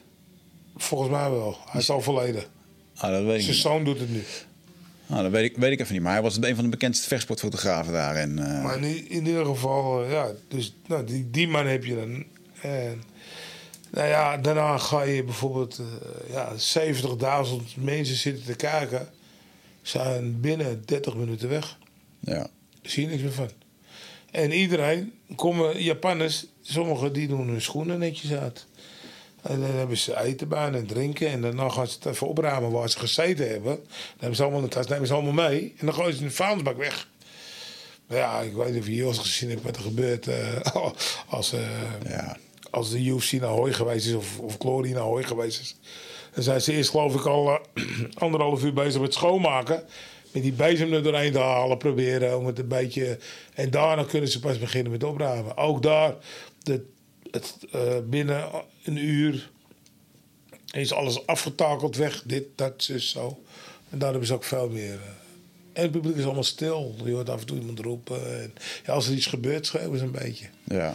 Dus je kan voor als trainer zijn daar heel goed coachen. Ja. En eh, ja, dat is het publiek in Japan.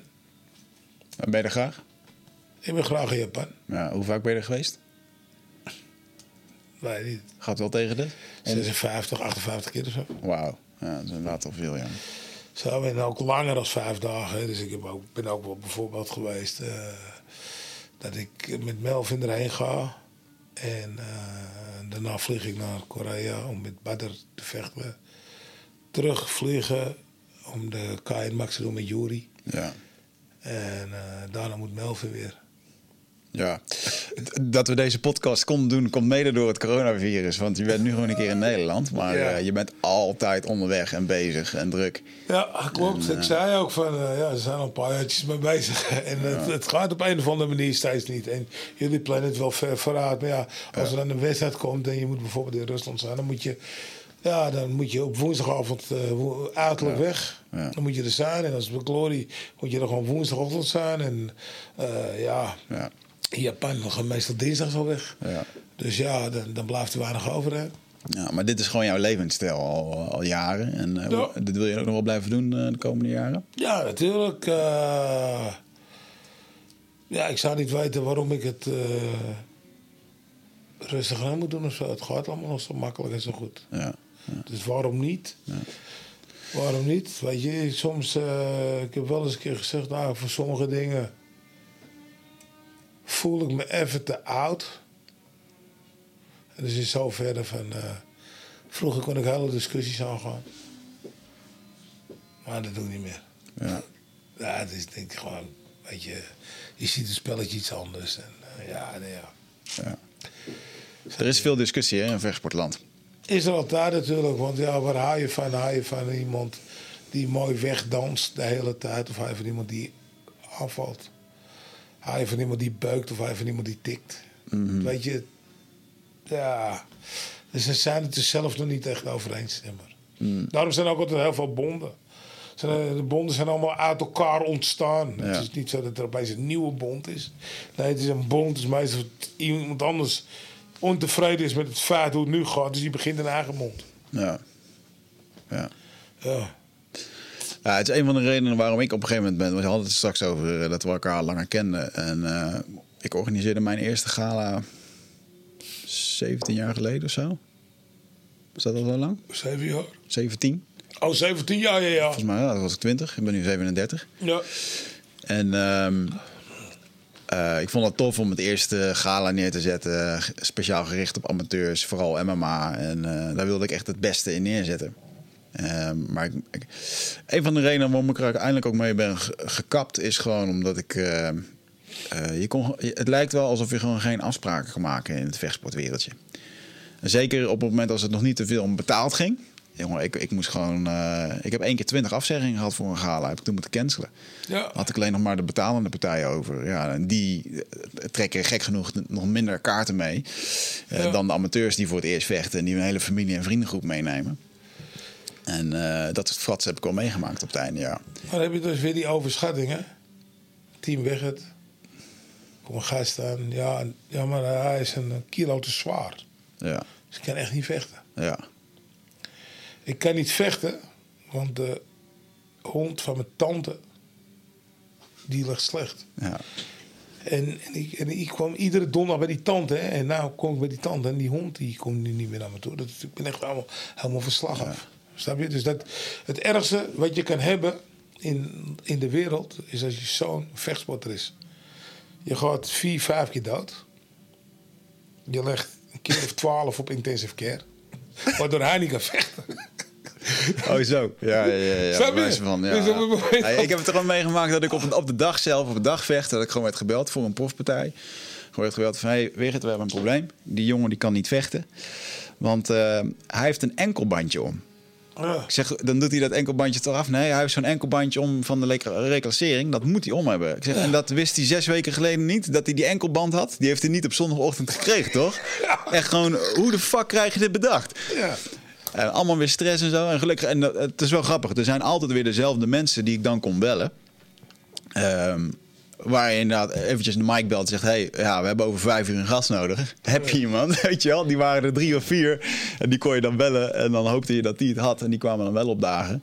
Maar nee, dat was wel een van de... ehm, Ja, Maar zo gaat het toch? ja, een van de. Ja, ja. En, en uiteindelijk ben ik, het, ik ben dat Heat FC toen ook gestart. Gewoon om eh de jongens bij Remco. En ehm, ja, eigenlijk mijn eigen, mijn eigen clubje, mijn eigen vriendenclubje. Om die gewoon een podium te geven waar je ze kon bouwen, waar je ze kon Ja. vechten. En, eh, eh, maar ja, ik weet niet. Op een gegeven moment, ik vond de vechtsportwereld. Het is gewoon moeilijk om daar eh, mensen aan, aan afspraken te houden. En ja, da- daarom is het op een gegeven moment ook gewoon. had ik geen zin meer in. Maar dat zei ik dus van tevoren. Jij hebt heel veel hele leuke dingen gedaan.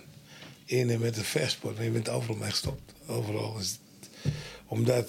eh, kijk, ik zit samen vaak met Oscar. En Oscar die komt uit het bedrijfsleven. En ja, Oscar... eh, afspraak is afspraak. Vijf uur is vijf uur. Is niet tien over vijf. Is niet drie minuten voor vijf bellen. Of tien over vijf bellen. Sorry, ik sta in de file. Ja. Dat, snap je? Dus hij staat ook vaak met grote ogen te kijken. En ze hoe, hoe doe je dat met die gasten? Man? Ja. Snap je? En ze komen gewoon, ja. Ja, en ik heb ook een andere vriend die heeft altijd gezegd, Mike. Ja, het lijkt wel of het allemaal patiënten zijn.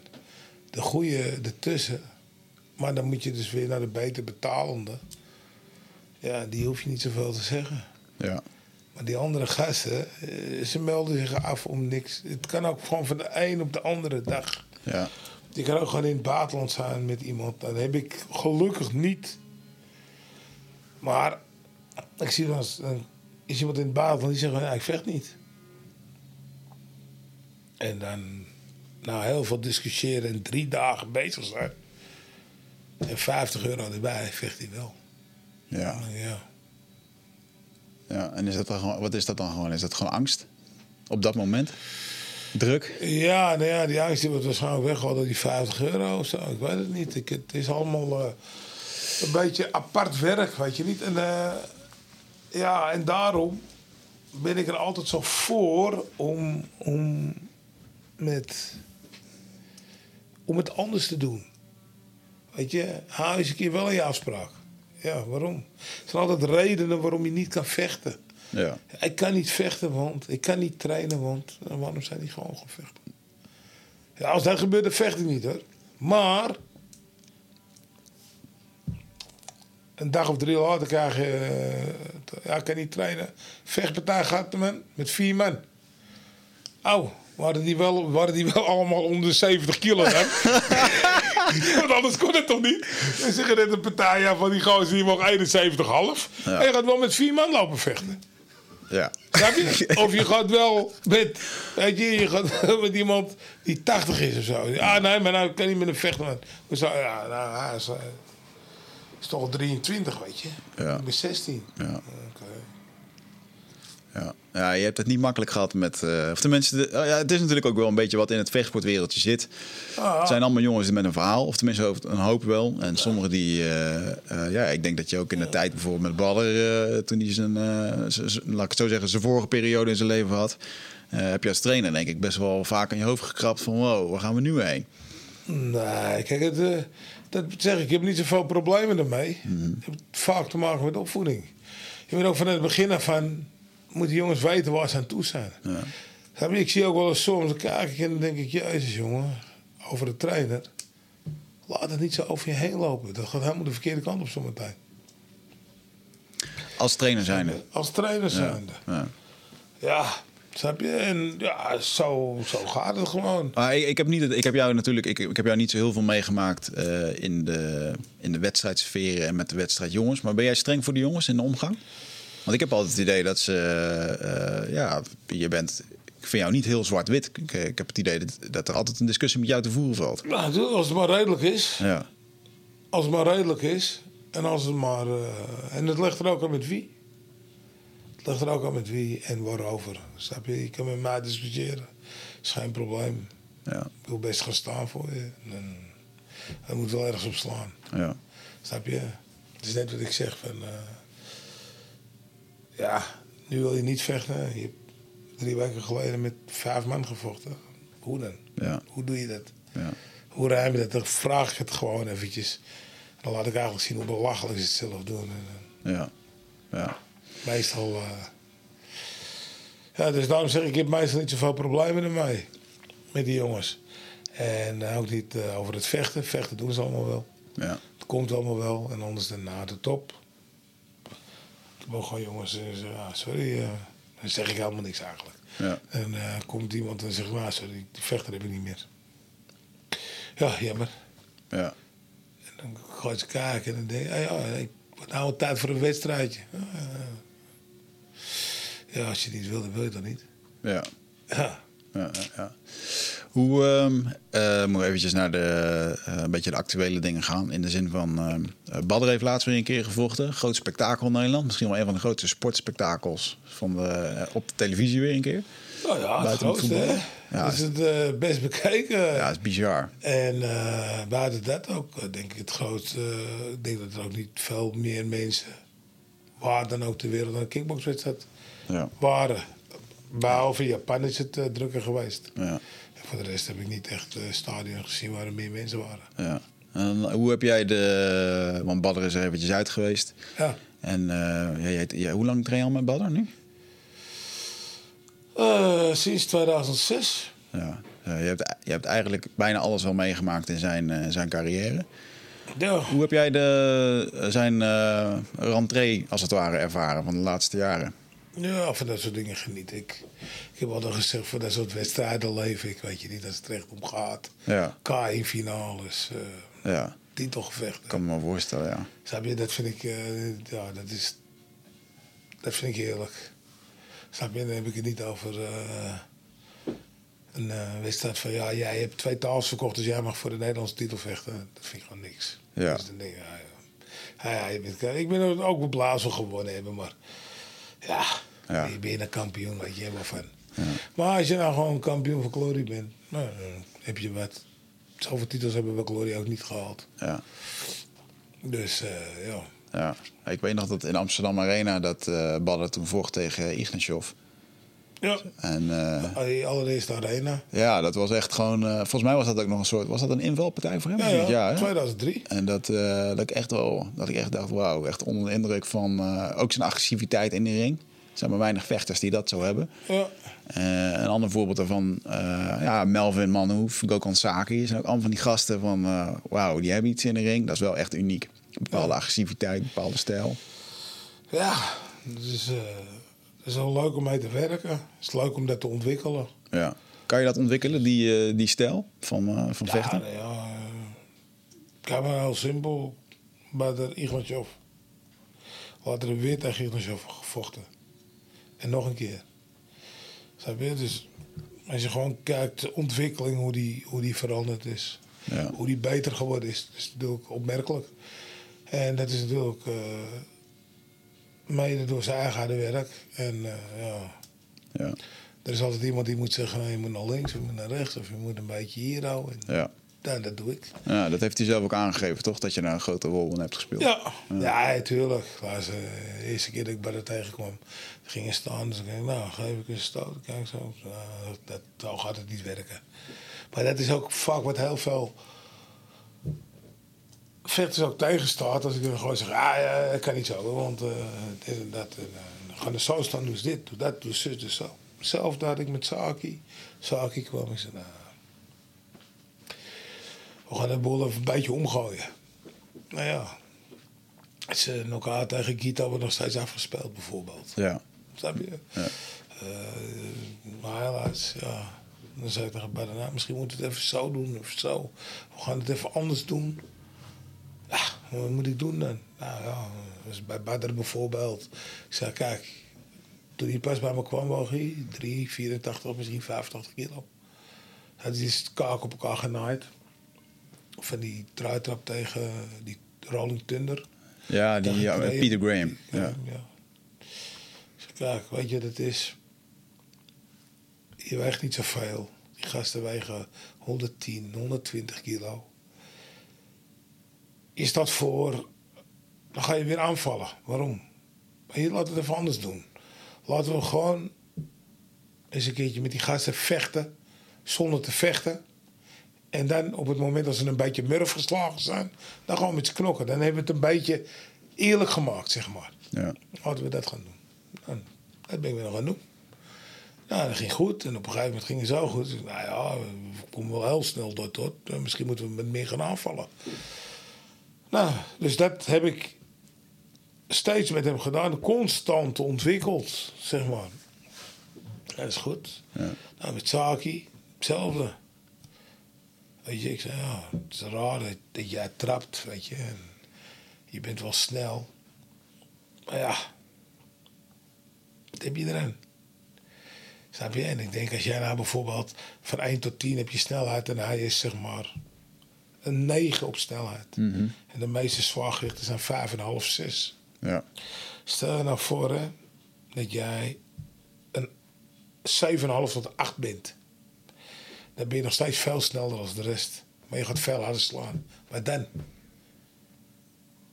Ja. Nou, zo had ik het nog niet bekeken. Ik zeg, maar zo is het wel. Hmm. Nou, oké, dus dat, hebben we dus, dat heb ik met hem gedaan. En ik zeg, kijk, je gaat trappen. Ja. Met alle respect, je hebt hele korte benen. Hè? En een beetje eh, een typische Turkse bouw. Brede middel. Dikke kont, dikke benen. Dan ga je trappen. Ja. Ja, ga eens boksen en kom dan met je trappen. Nou, dat is goed. Melvin. Is overal te. Te klein. Te stijf. Te agressief. Ja, misschien. Kan je te agressief zijn? Soms, nou ja. Wat hij natuurlijk wel heeft, hij was zo explosief. Dat nou als die explosie mislukte, dan was hij ook back af, hè. Zelfs als een 100, 100, eh, een 100 meter sprinter, eh, die, die gaat als een imbeciel weg. Ja. Maar als hij vijf keer fout start, dan komt er ook niks meer uit. Dus ja, niet lenig, niet, weet je, allemaal net niet.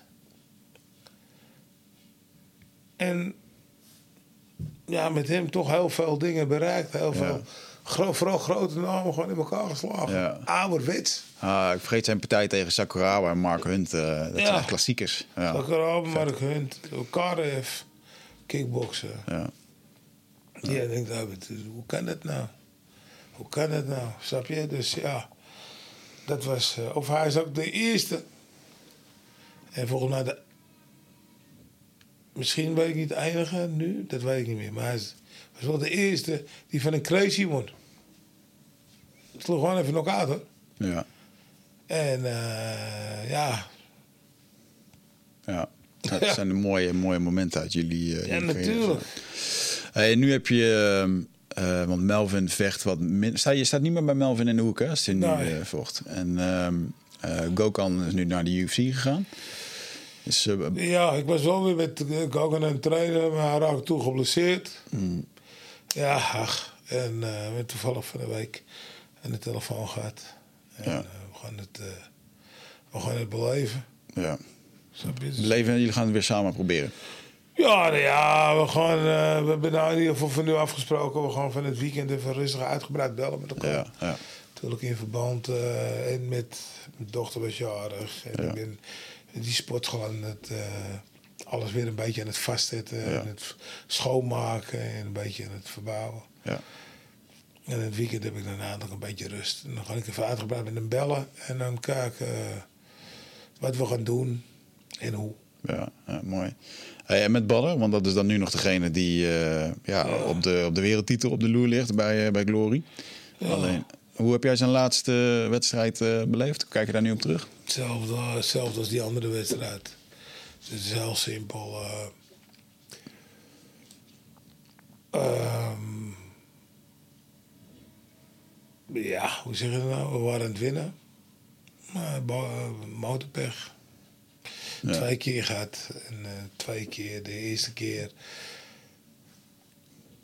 Zeiden de, de, de, de critici, ja, maar ja, hij wordt moe en hij kon het niet aan de druk en weet ik veel wat. Ja, ja. Ten eerste, eh, welke druk kennen we niet aan? We hebben druk gehad van mensen die veel meer druk zetten.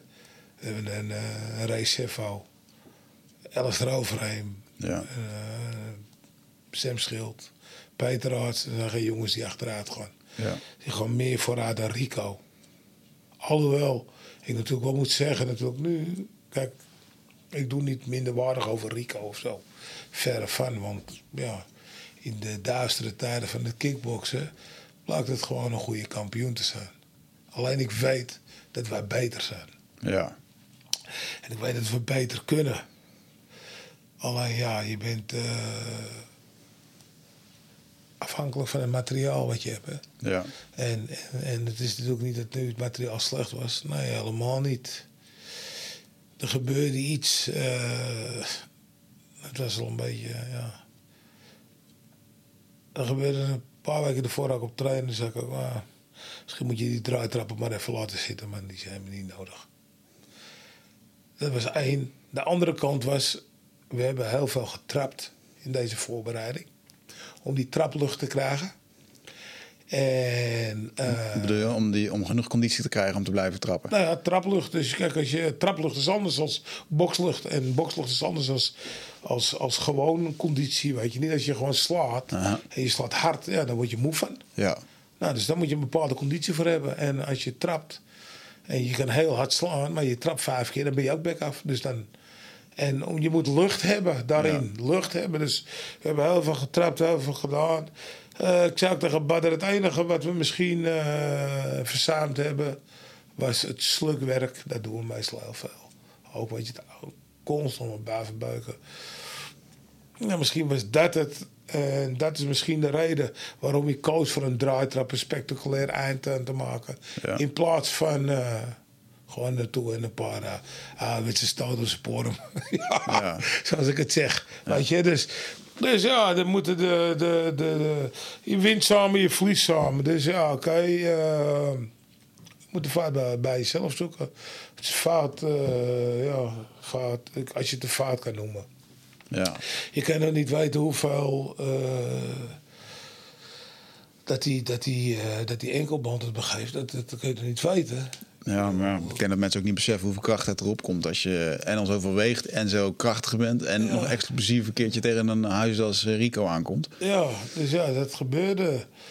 Ja, voor de rest, die wedstrijd, ja, dat was natuurlijk genieten, man. Dat Ja. is van A tot Z genieten. De eerste wedstrijd was ik nog met die plaatsjebad aan de ring. Kijk ik, denk ik, Jezus Christus. Die dag ervoor ook, dacht ik, potverdikke me zeg. Kijk dan eens eventjes, jongen. Ja. Die sukkels uit Amsterdam-Oost, die staan hier. En zometeen met z'n tweeën. zei ik ook tegen hem. Want we komen allebei uit Amsterdam-Oost. Ik zeg, moet je kijken, die slechte voor het schoren met Oost. Pas gooiers. En Ja. dan krijg je die niet te zit toch. In het begin we samen begonnen Ja. te werken. Dachten ze, nou, Ja. die twee, dat wordt nooit wat. Want eh, die Mike is er bij de hand. Want die moet overal wat voor zeggen. En eh, die beide die pikt niks. Dus ja, dat wordt heel lastig te communiceren met elkaar. Ja. Nou, als je dan kijkt hoe ver we het toch nog geschopt hebben. Ja. En dan kijkt naar dit hele stadion gevuld. Het wordt wekenlang. Wekenlang. Je zet zo ochtend zet ik de radio aan. Michiel Bijlen. Ja. Ben je team Rico of team Badder? Iedere ochtend. Ja. Nou, dan heb je, eh, hoe heet het, dan worden de interviews hier, de interviews daar. Weet ik veel, ik ben in zoveel programma's geweest. Denk ik, ja, en dat voor kickboksen, een beetje een ondergeschoven kindje. Ja. Beetje, ja, kindje, kindje met een manke been. Ja, daar heb je wel een grote rol in gespeeld. eh, en, Ja. en Badder ook. En eh, ik, vond, ik vond het mooi om te zien hoe Badder eh, zich ontwikkeld had in de laatste jaren. Weet je, ik vond hem op televisie echt goed presenteren. De juiste dingen zeggen. En, we eh, ouder, ja, worden we ouder, eh, scherpe randjes gaan er misschien af. Ja, Maar dat weet ik niet. Kijk, het is, eh, ik weet niet of hij wat ouder wordt. Ik denk dat hij er wat beter mee omleert gewoon, weet je. ja, Kijk, ik, eh, ik ben wat nuchterder. Je kijkt of zo. Oh, Oké. En als iemand wat roept, dan eh, denk ik, maar met hem hoef ik niet te discussiëren, weet je. ja, Ja. En hij vond het soms nodig om te discussiëren met mensen. Nou, Oké, dat is hij. Ja. Maar dat was ook onze eerste afspraak samen. Ik zeg, laat mij mezelf zijn. En laat jou, ik laat jou jouzelf zijn. ja, Ik ga het er niet over hebben als jij met die moet discussiëren. Daar wil ik niet over hebben. En als ik op vrijdagavond of ik wil, weet ik veel, lekker een biertje drinken, dan wil ik niet aan de telefoon hebben van hey, eh, wat ben doen? Zij willen maar lekker mijn dingen doen, doe jij jouw dingen. En als wij samen elkaars ding doen, dan komt het goed. Ja. En nou kijk eens wat er gebeurt, man. ja. Ja, mooi. En wat is nu het plan? Wat is nu het plan? Nou, het plan was eigenlijk eh, de 20ste van juni om die Benny even in elkaar te beuken. Maar ik denk niet dat het doorgaat. Ik weet het niet. Ik denk het niet. Ehm, dus hij is nog steeds eh, fit. Hij is bezig. Eh, We spreken elkaar twee keer per week. Ja, Ehm, het is nu eigenlijk de bedoeling dat we zo meteen eh, moeten even. eh, niemand weet eigenlijk wat hij kan doen nu hè, met dit corona. Het is een beetje van ja, ach. Sorry. Eh, we staan een beetje aan de goden overgeleverd wat dat betreft. ja, Wanneer mag de sportschool weer open? Wanneer mogen we weer trainen? Wanneer kunnen we wat vrijer gaan bewegen? Daar gaat het om. ja, En wanneer kunnen we weer wat evenementen gaan doen? En dan hoe staat Glory ervoor? ja, Wat is uw voorstel? ja, ja, ja. Daar ben je van afhankelijk natuurlijk. Hè? Dat, er- dat iemand als Glory zegt van... Nou, weet je wat je doet? Eh, zorg maar dat je klaar bent in september of zo. Ja. En dan gaan we weer een plan maken. maar ja, het zal wel even lastig worden natuurlijk. Hè? Ja. Want eh, eind april begint ook de Ramadan. Dus dan heb je tot en met mei niks. En dan- En eh, dan, ja, dan kunnen we er nou weer gaan trainen. En mei, begin juni. ja, ja, ja. Snap je? En ik, eh, ja. Kan jij nou als trainer... eh, want je hebt natuurlijk je eigen sportschool en de leden en, en, en daar de inkomsten van. Zou jij nu als trainer puur zang kunnen leven van de vechters die die wedstrijd vechten? Het ligt aan hoe je wil leven, toch? Ja, nou, en de manier hoe dat je nu leeft dan, denk ik. Nou, kijk. eh luister. eh, ik heb een heerlijk leven. Ik zou dat niet willen missen. Het is hard werken. Sommige mensen zeggen gewoon... Ik snap niet dat je dit doet. Ja, van het vechten zou je van kunnen leven. Ehm, nou, als ik wat zakelijker ben, denk ik wel. Ja. Sommige dingen moet ik wat zakelijker bekijken.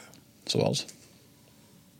Nou ja, luister, het is ook, eh, ik vertel je net, we zijn- ja, je rijdt met een paar jonge jochies, 13, 14, 15, 16 tot 18 rijdt het hele land door. Ja. Niemand heeft een euro in zijn zak. Dan gaan we naar een andere, een grotere organisatie. Laten we zeggen, we gaan in Engeland vechten. Nou, dan hebben ze gewogen. Dan moeten we daarna gaan eten. Ja, ja, ja. Dan hebben we nog steeds niemand een euro in zijn zak. ja. Nou, dan moet er, soms moet je naar, eh, moeten ze naar een dokter. Zeg ik, eh, grap. eh, en de dokter kost 150 euro. Nou, ja, ja, nee, betaal ik van de week even. Ik weet ook wel, sommigen betalen het wel, anderen betalen het niet. ja. Sommigen schieten er even tussendoor, anderen niet. Ja. Valt er een camera uit? Ja. Oh. Heeft hij toch lang gedaan? Ja. Ik dacht dat hij eigenlijk ook stroom kreeg van de kabel. Ja, blijkbaar niet. Oké. We hebben veel verlies of niet? Nee, toch? Nee, echt. eh, Nee, oké. Professionaliteit, en Mike, je ziet het. de camera's er zelf uit hier. Ja, nee, ik snap je punt, man. Ik bedoel, de, de investering die je als trainer maakt in al die jaren. En eh, wat zou je daar dan willen zien? Een soort voetbalsysteem waarbij jij de eerste trainer bent. En, en zit, je, zit dan de, de zakelijke ergernis erin? En dat mensen, dat je bijvoorbeeld zes jaar lang met ze rondrijdt, al die dingen doet. En dat ze dan vervolgens bij je weggaan of dat ze stoppen? Of, of hoe... Ja, ergens niet. Hetzelfde met andere vechters, die komen dan maar en die hebben niet of nauwelijks een aardpartij. Of die vechten voor een tafeltje. Ja, En die doe ik onderbij een eh, goede organisatie. Dan gaan ze ergens anders, want noem maar een reden. Ja, ja. Dan denk, je, denk ik altijd een paar dingen. Dat is heel simpel. Kijk, eh, daarom heb ik ook geen contract met vechters. Als je niet bij me wil zijn, dan hoef je niet bij me te zijn. ja, Daar heb ik helemaal niks aan, weet je niet. Ik wil ook niet... Ja, maar ik heb een contract. Ja, maar dan moet je mij nog. Nee, als je weg wil gaan, alsjeblieft ga weg. ja, Blijf alsjeblieft niet een minuut langer dan dat je moet zijn. Maar verwacht dan ook niks meer van mij, weet je. ja, Dan hoeft het ook niet meer. Ja. Dus dat is een beetje hoe het in elkaar zit. En eh, er zijn toch altijd mensen die zeggen van... Nee, nee, sorry. Er zijn toch altijd mensen die het wel waarderen. Die wel zeggen... Hey, eh, paps, waar bent u? Ja, ik ben nu op Schiphol. Ik rij even bij u langs. Ik kom even mijn gaatje brengen. ja. Of, eh, en ik kom u even bedanken. En daar doe je het voor. Uiteindelijk wel. Uiteindelijk wel. En uiteindelijk... eh, het zijn eigenlijk nooit... eh, het zijn ook nooit de echte kampioenen die weggaan. Ja, In mijn mening. ja, En eh, ja, tuurlijk, ik kan er altijd naast zitten. Maar ja, meestal niet, weet je niet. Want dat is echt... als ik het er niet uit krijg, ja, dan moet je toch wel goed zijn. Ik zou Ja. niet zeggen dat de enige trainer ter wereld ben, verder van. Heel veel hele goede trainers, heel veel ondergewaardeerde trainers in Nederland. Ik wil niet zeggen dat ze slecht zijn, maar ja, je bent als trainer afhankelijk van het materiaal waar je mee werkt. ja, En eh, kapot gereedschap is geen goed gereedschap, is geen gereedschap. ja, Zo simpel is het. Ja. Je? Als het eh, poppetje defect is, ja, dan kan je nog zo goed zijn. Krijg je het toch niet uit. ja, Nou, dat is dus eh, wat er aan de hand is. Eh, ja. Hm. Hoef je niet eh, over te klagen. Weet je, het is eh, wat ik altijd zeg, dat is toch een drol in je mond. Snap je? slik het in of spuug het uit. Want als je het op gaat houden, dan ga je uit je bek stinken en daar heeft niemand wat aan. Weet je. Ja. Dan ben je ook nog een beetje een last voor de mensen om je heen. En dat moet je niet willen. Ja. Dus ja, daarom ben ik er meestal wel heel laconiek over. Ja. Ook als mensen weg willen, dan komen ze heel, helemaal dit. En, alsof ze, naar de, alsof ze naar de, naar de galg gebracht worden. En dan gaan ze. Ja, maar ik weet niet hoe ik moet zeggen. Ja. Ik denk toch dat ik een andere, andere kant op moet gaan. En eh, heel verhaal hebben ze bedacht. Ja, oké, is goed. Ja, hier nou. Hand, bedankt jongen. De mazzel. Ja. En het beste. Ja. Is dat gewoon jouw manier van afscheid nemen om er gewoon zelf zo min mogelijk last van te hebben? Ja, maar laatst als je nou niet bij me wil zijn. Ja. Hoe moet je daar, hoe makkelijk, hoe makkelijk kan het zijn dan? Ja. Weet je niet, ik bedoel, ik kan ook me druk maken. Ja. En dat is ook toen, toen, toen Badr wegging, weet je, dan zei ik ook van, luister, ik kan jou vijf uur lang vertellen waarom je bij mij moet zijn. Ja. Maar jij hebt waarschijnlijk je, je gedachten al opgemaakt, dus eh, ja, kan je nou, laten we het zo laten en laten we niet, eh dat zeg ik ook altijd, laat niet veel eh, eh, tussen ons in komen te staan, weet je, niet te veel troep, niet te veel Ja. ruzie maken. Dat is eigenlijk helemaal niet, helemaal geen ruzie maken, geen rare dingen over elkaar zeggen, that's it. Ja. Ja, mooi. Ja, mooi. Ben je vergevingsgezind? Dat ligt eraan. Dat ligt eraan. nee, dat ligt eraan. know. Nee, het ligt eraan, weet je niet. Eh, ik denk van, ja, in hoeverre, in hoeverre gaat het? Ja. Kijk, soms je het eventjes eh, niet zien zoals het is. Ja. Dat mag. Een ander mag ook wel eens zeggen van, eh, ah ja, maar ik denk dat je niet meer zo scherp bent als vroeger. Ja, dat kan toch? Als het niet zo is, dan is het niet zo. Maar is het ergens anders beter? Weet ik niet. Ja. Nou, oké. En dan, eh, ja, nou kwam Badder, die kwam dan terug. En er zijn ook mensen dat ik heb gezegd, maar dat lijkt me geen goed plan. En dan zeggen ze, ja, het gaat alleen om het geld. Nou, het gaat niet om geld. We zijn 13 jaar samen of zo. Ja. Het is gewoon een relatie. Dan komt er een breuk in. Maar 13 jaar, je moet ook, wat ik al in het begin van halverwege het interview zei. Niemand gaf ons wat. Dus je bent heel erg op elkaar eh, afhankelijk van elkaar. Weet je. je bent heel erg op elkaar. Dus je gaat naar het buitenland en je ziet hele grote clubs als Golden Glory. Ja. Met zes, acht man. En aanhang staan. En wij staan er met z'n drieën. Ja. En die gasten hebben allemaal tassen en rolkoffers. En wij hebben eh, een koffer en er zitten toevallig twee wieltjes met een handvat. En we hebben niet vier wieltjes in het begin. Ja, en uiteindelijk wel natuurlijk. En eh, ja, je bent op elkaar. Wat ga je doen? Je gaat, ja, dan ga je naar beneden. Er zit een hunnie. Nou, dan ga je er maar niet bij zitten. Want we moeten morgen weer tegen ze vechten of over drie dagen. Ja. Dus je gaat op de kamer zitten, je zit op elkaar, net als we nu hier zitten, zit met elkaar te praten. Dan ga dat maar eens een keertje drie, vier dagen doen. En dat vijf keer per jaar, zes keer per jaar. Ja. Vijf, zes dagen. En dan hadden we het, voor, hadden we het op een gegeven moment hadden we het uitgevonden. En dan gingen we niet op, eh, op eh, dinsdag gingen we naar, eh, naar Japan toe. Nou, dan gingen we die zaterdag of die vrijdag ervoor al. Ja. Dan waren we er al een paar dagen, dus zaten we nog langer met elkaar. Ja. Nou, dan ben ik daarna nog, eh, weet ik veel, ik denk een keer of vijftig in Marokko geweest zo. Met Badr.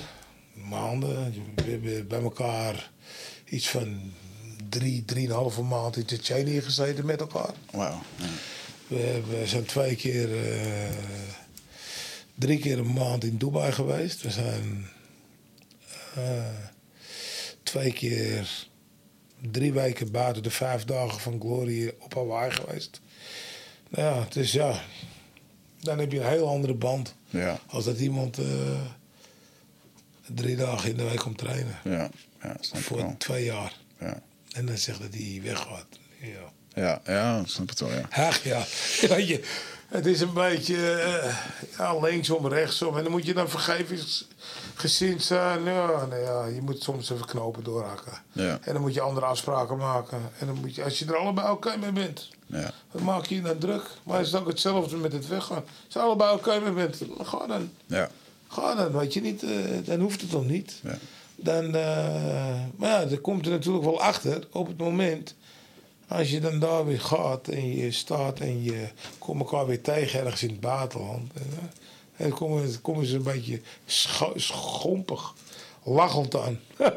hey, eh, wat gaan jullie doen? Jullie doen? ja, ja, ja. Ja, we gaan doen, ja. En jij? Ja, ik weet niet, man. Ik dacht, eh, misschien kan ik even met jullie mee. En Volgens mij, wat naartoe dan? Dat was toch een goede trein. Dat was toch dat was veel beter als ons. Wat doe je dan? Ja. Hoef je niet meer met mij? Ja. Dan ben je gek. En dan nou, neem ik bijvoorbeeld, een, eh, bijvoorbeeld Big Baby Miller, die bokser. Die kom ik wel in Japan tegen. Ik zeg, hey, gap, hoe is het? Hij Mark, ja, sorry, ik weet niet wat ik moet doen in Japan. En ik zeg, nou weet je, gewoon met mij, we gaan naar de sportschool. Dan neem ik gewoon mee. Ja. En eh, tien minuten ervoor zeg ik tegen een andere vechter, ja, gaat, hebt je kansen gehad, gaat. Je hoeft niet meer met mij. Ja. Dat is het verschil. ja. Dat krijgt hij dan zo direct te horen? Hoe bedoel je direct? Zoals je dat, dat krijgt hij dan zo direct, zoals je dat nu zegt? Natuurlijk, helaas. Ik bedoel, je kiest toch niet voor ons. Ja, maar Ja. ik, snap je, nu ook nog eh, zijn vechters. Ja, eh, dit, dat. Kan ik weer komen trainen? Nou, nou, nou. Kan ik komen sparren? Ja, sparren wel. Sparren mag altijd, tuurlijk. tuurlijk. Graag. En de rest, eh ja, in zin meer. Als iemand eh dinges is, kom, ja, kan ik komen sparren? Ik zeg, nou, ik heb liever niet dat je mij jongens in elkaar slaat. Ja. Jij bent denk ik te sterk voor ons. Ja. Of ik het meen, ja, daar kom je later achter. Maar vaak is het... Ja. Ja, weet je, je kiest daarvoor. Dat je, Dat, eh, dat sparren, daar wil ik het nog wel even over met je over hebben. Want ehm, dat mag. ehm, in Amerika is nu een beetje een trend aan het ontstaan, vooral in de UFC, waarbij men zegt: oké, met trainen, semi-contact, niet hard op het hoofd, eh, sparen, gezondheid voor je hersenen, et cetera. En als ik dan op woensdagavond bij jullie kijk, als ik lekker Braziliaans iets richt, dan ben ik blij dat ik niet twee matten verder sta. Want daar staan mensen elkaar wel echt gewoon, eh, ja, de wedstrijd sparren. Is best wel, eh, gaat er best wel hard aan toe. Wat is de visie daarop? Want ik zie daar regelmatig mensen die, ja, die toch even neergaan of op de kont gaan zitten. Ja.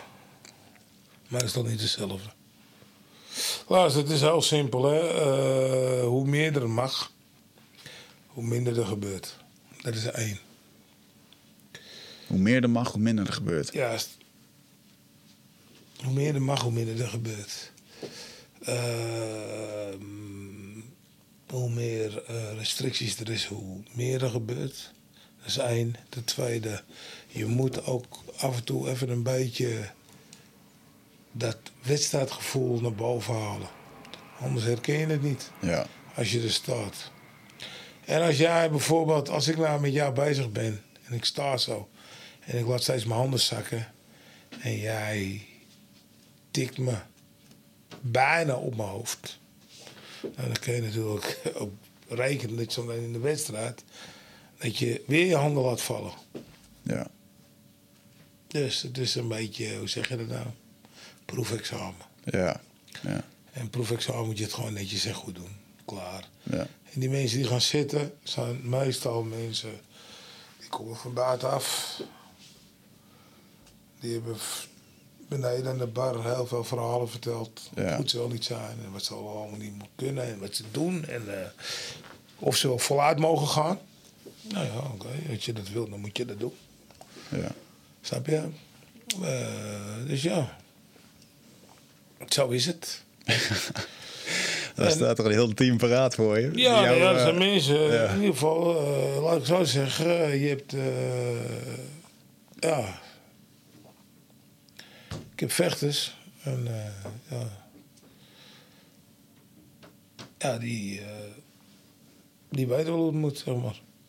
En, ja. En, maar ook als iemand anders ook goed is, die kunnen ook het waarderen als iemand anders ook goed is. Ja, zeker. Ja, maakt Als je gewoon een lekkere en je heb je gezegd, hey, hey, nog een ronde man. Ja, En dan nog een ronde. En dan, hey, ga- bedankt man. En dan kunnen we zo nog, een- kunnen we zo nog een rondje doen. ja, En dat is niet van ik wil van je, nee, het is niet ik wil van je winnen. Ik wil van je leren. ja. Ja, ijzer, ijzer maakt ijzer. Of ijzer, ijzer smeet ijzer, toch? Ja, meestal wel. En ja. Ja, en voor de rest, eh, ja, er kan er wel eens eh, wat gebeuren. Alleen je ziet die jongens hier zelf nooit gaan. Want ja, die weten, die moet scherp zijn. Ja, Je kan niet binnenkomen lopen en denken van, ah, ja, doe het even. ach, man, eh, hoe kan mij nou gebeuren? Ja. Ja, nee, oké, er kan heel veel dingen gebeuren.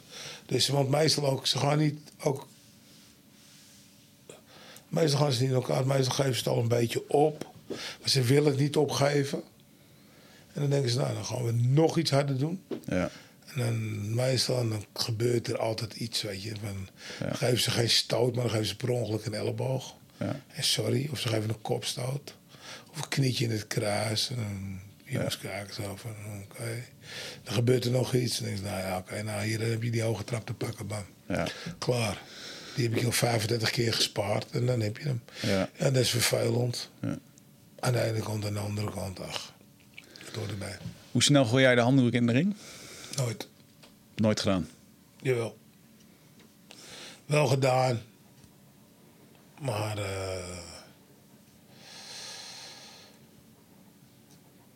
een vechter is een vechter, weet je niet. En, eh, je neemt hem niet in bescherming soms om de handdoek te gooien. Dan haal je een beetje het rauwe bij hem af. Ja, Snap je? mm, En soms komen vechters wonderbaarlijk terug. ja, Eh, we hebben Badr op de grond zien leggen tegen Kariev, slaat hem nog uit. ja. Badr op de grond zien leggen tegen uh, Zimmerman. Alistair ook. Heeft hij er ook een mooie comeback gemaakt? Tegen, nou, tegen Els was een andere wedstrijd. De tweede wedstrijd kreeg je niet te klappen. Tegen Els werd hij op de grond gegooid. Ja, Els was gewoon even maai te sterk qua het worstelwerk. En toen sloeg hij hem, nog- sloeg hij hem aan en daarna trapte hij hem eruit. Eh, ja, twee keer met Jury gehad. één keer eh, in een toernooi in een hoog schermer oren. Dus eh, er waren zeven mannen in een toernooi. Dat kan ook gebeuren. ja, En uh, ja, Jury wint in mijn ogen van Kaas. Kaas twee keer stop, stop. Zit wat in mijn oog. Ja, ik dacht dat het de vuist van Jury was. Hun vonden van niet. Maar we verliezen op punten. Wonder boven wonder. Oké. We kunnen weer toernooien. Moeten we tegen Zak. Die had nog niet gevochten. Hier is Zak. En Jury staat licht voor. Dat is er niet ver voor hoor. We waren weer met een bus van het lommetje natuurlijk. En, uh, Opeens, uh, Jury slaat hem aan, pam, hij staat naar achteren, laat zijn handen per ongeluk zakken, krijgt een hoge trap, boom, acht tellen. Hij staat op, wordt geteld tot acht. En op het moment dat die zak naar hem toe wil lopen, zie ik Jury een beetje door zijn benen zakken en herpakken. Dan ga ik de handdoek. Want dan gaat hij zich toen niet meer herstellen. Nou ja, dat is een keer. Ja. Ander verhaal. Jury vecht tegen Tijden ik had de tactiek uitgestippeld. Werkte. Eerste ronde sprong laten komen, tweede ronde. Derde ronde landde Jury al. Als combinatie. En tweede ronde al begon hij al te raken. Derde ronde al. En dan op een gegeven moment uh, gebeurde iets. De sprong trekt zijn knie op, scheur onder zijn oog. En sprong is aan het eigen. En Jury staat nog. En dan duurt het veel te lang. Een sprong kan weer bijkomen. En dan verlies ik weer. Ja. Moet ik de handdoek gooien? Hij zei, nee, nooit meer. En op een gegeven moment uh, gebeurt er iets. Jullie krijgt acht tellen. En toen vond ik het genoeg. En toen wou ik hem niet de handdoek gooien. En toen ging ik hem roepen. Maar je weet natuurlijk, als je zo verder in die wedstrijd zit... Dan, als er iets herkenbaar is, ja. ja. Dus toen keek hij naar mij. En, en ik zei, kijk, kijk dan toen. En, en hij reageer dus niet op scheidsrechter. Scheidsrechter is, is over. Hmm. Dus dat is geen handdoek gooien aan de ene kant, aan de andere kant wel. Ja, ja. Als je nou, um, ja, als vechtsporttrainer, dan komt een nieuwe jongen, een, uh, Verse Wigert, die komt bij jou in de sportschool. En die wil over drie maanden wedstrijden doen. Je hebt drie maanden de tijd om de jongen klaar te stomen voor zijn eerste wedstrijd. Waar zou je dan de grootste focus op leggen? Is daar een algemeen protocol wat je daarvoor uh, hanteert? Nee, dat doe ik allemaal niet, man. Uh, mensen, ja, vanaf uh, wanneer kan ik wedstrijden doen? Ja, weet ik niet. Leg er jezelf. Wil je, wat wil je ervoor doen, maar vooral wat wil je ervoor laten? Ja. En je kan wel zeggen van, uh, ja, ik, ik wil wedstrijden doen. En dan heb ik gezegd, ja, het kan binnen drie minuten, drie maanden. En als jij dan iedere week lekker op stap gaat en ja, vol laat lopen. Ja, dan is het mijn schuld. dus ik doe dat niet aan. Maar als je mij nou drie maanden mocht klaarstomen en ik zou iedere dag komen trainen. Ik zou niet drinken. Over drie maanden heb ik een wedstrijd. Ik ga hier vol voor. Ah, dat gaat er niet om, man. Dat gaat er, er zijn nog veel meer dingen die je moet laten. Weet je. je moet op dieet, je moet goed voedsel nemen. Je moet, uh, dit moet allemaal uitgebalanceerd worden. Hmm. Dus dat moet je doen. Dan ga je trainen, dan moet je je ook herstellen. Je moet je, ja, er komt zoveel naar kijken. Dat, weet je, dat, de meeste mensen zeggen, ja, even een potje matten, man. Dat doe ik uh, drie keer in de week of uh, drie keer uh, in de maand bij een café op de hoek. Als de bij eraan komen. Nou, zo, werkt, zo werkt het niet, ja. weet je. Ja. Dat is gewoon heel anders. En ja, wat, wat, wat wil je doen? Weet je, want ik wil wel trainen. Ja, hoe hard wil je trainen? Wil je alles geven? Ja. En wat heb je gedaan? Heb je nog niks gedaan? Sla je waarschijnlijk in de eerste paar maanden, eerste weken je handen kapot. En dan heb je een paar je handen. Ja. ja. Nou, je moet je blessures verzorgen. Ja. Het zijn heel, het zijn heel andere dingen. Dus ja, die dingen die... Ja, die zijn niet zo. Oké, we moeten een beetje gaan uh, uh, afronden. Jij, uh, nou, we zitten nu midden in, de, ehm, corona, in het coronatijdperk. Jouw sportschool is ook dicht. Ja. Wat zou je willen zeggen tegen de leden? Tegen de leden? Ehm, ja, allereerst wil ik de leden die er nog steeds zijn hartstikke bedanken. Voor de steun, de toe, toeverlaat, de toewijding, maar vooral het geloof in mij als trainer en sportschoolhouder. Um, ja, weet je, ze weten als de coronatijd voorbij is, dan maakt het goed met ze. Hun geld krijgen ze terug op een pasje gestort. Dus dat zijn ze niet kwijt. Het is wel een manier voor mij om de sportschool zo te behouden. Ja. Uh, ja. En uh, ja, het worden zeg maar uh, ja, de original leden. De OG. De OG's van de gym. Original gangsters. Ja, ja original gym buffs, OG's. Ja, tuurlijk, weet je niet. En uh, die mensen die waardeer ik ook.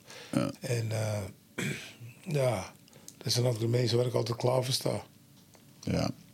ja. Dus ja, dat is, het is moeilijk eventjes met die coronatijd. Maar ja. Degene die mij maar een beetje kennen, die weten ook van dat ik voor mijn woord sta dat het zo meteen allemaal wel weer goed komt. En meer als goed. Ja, ja zeker. Mooi. Ja. Oké man, um, nou, dan wil ik jou in ieder geval bedanken dat, uh, dat we het eindelijk hebben kunnen faciliteren hier, dit, uh, dit gesprek. Ja, graag gedaan. Uh, en gelukkig, hè, als ik een hele klote aan moet rijden. Ja. maar je bent welkom om nog een keer te komen. je hebt ook onlangs je boek uitgebracht. Ja, klopt. Te, te, kopen in de sportschool, denk ik. En uh, gewoon in de boekhandel ook wel. Ja. Online. Ja, ja, het loopt een beetje af nu. Maar we hebben gelukkig drie drugs kunnen doen. Ja. De derde druk, zoals het heet. Oké, tof. Dus ja, het was hartstikke leuk. Het is... Uh, Ah, iets heel anders. Ja, maar er is gewoon een boek over je geschreven. En dat zegt al, uh, zegt al een hele hoop, toch? Ja, ik stond erover te kijken. Ja. ja. Heb je hem zelf ook gelezen, of niet? Ja, natuurlijk.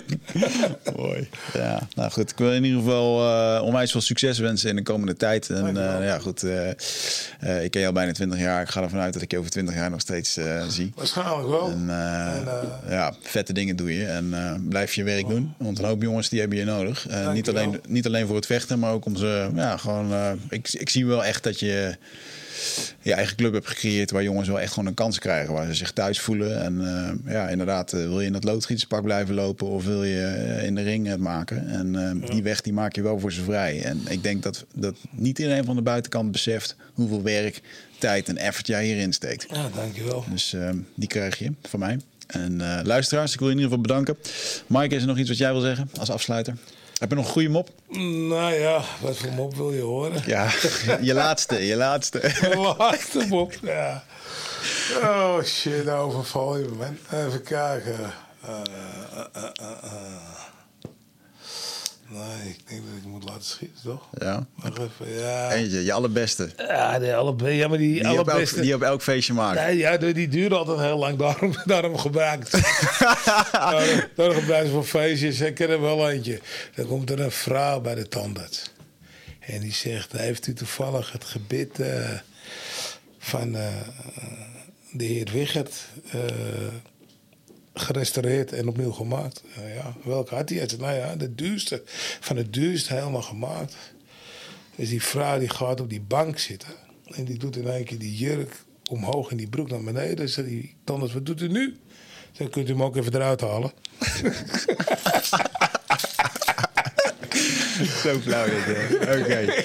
Mike, dankjewel jongens. Luisteraars, tot de volgende keer. Oké. Eh,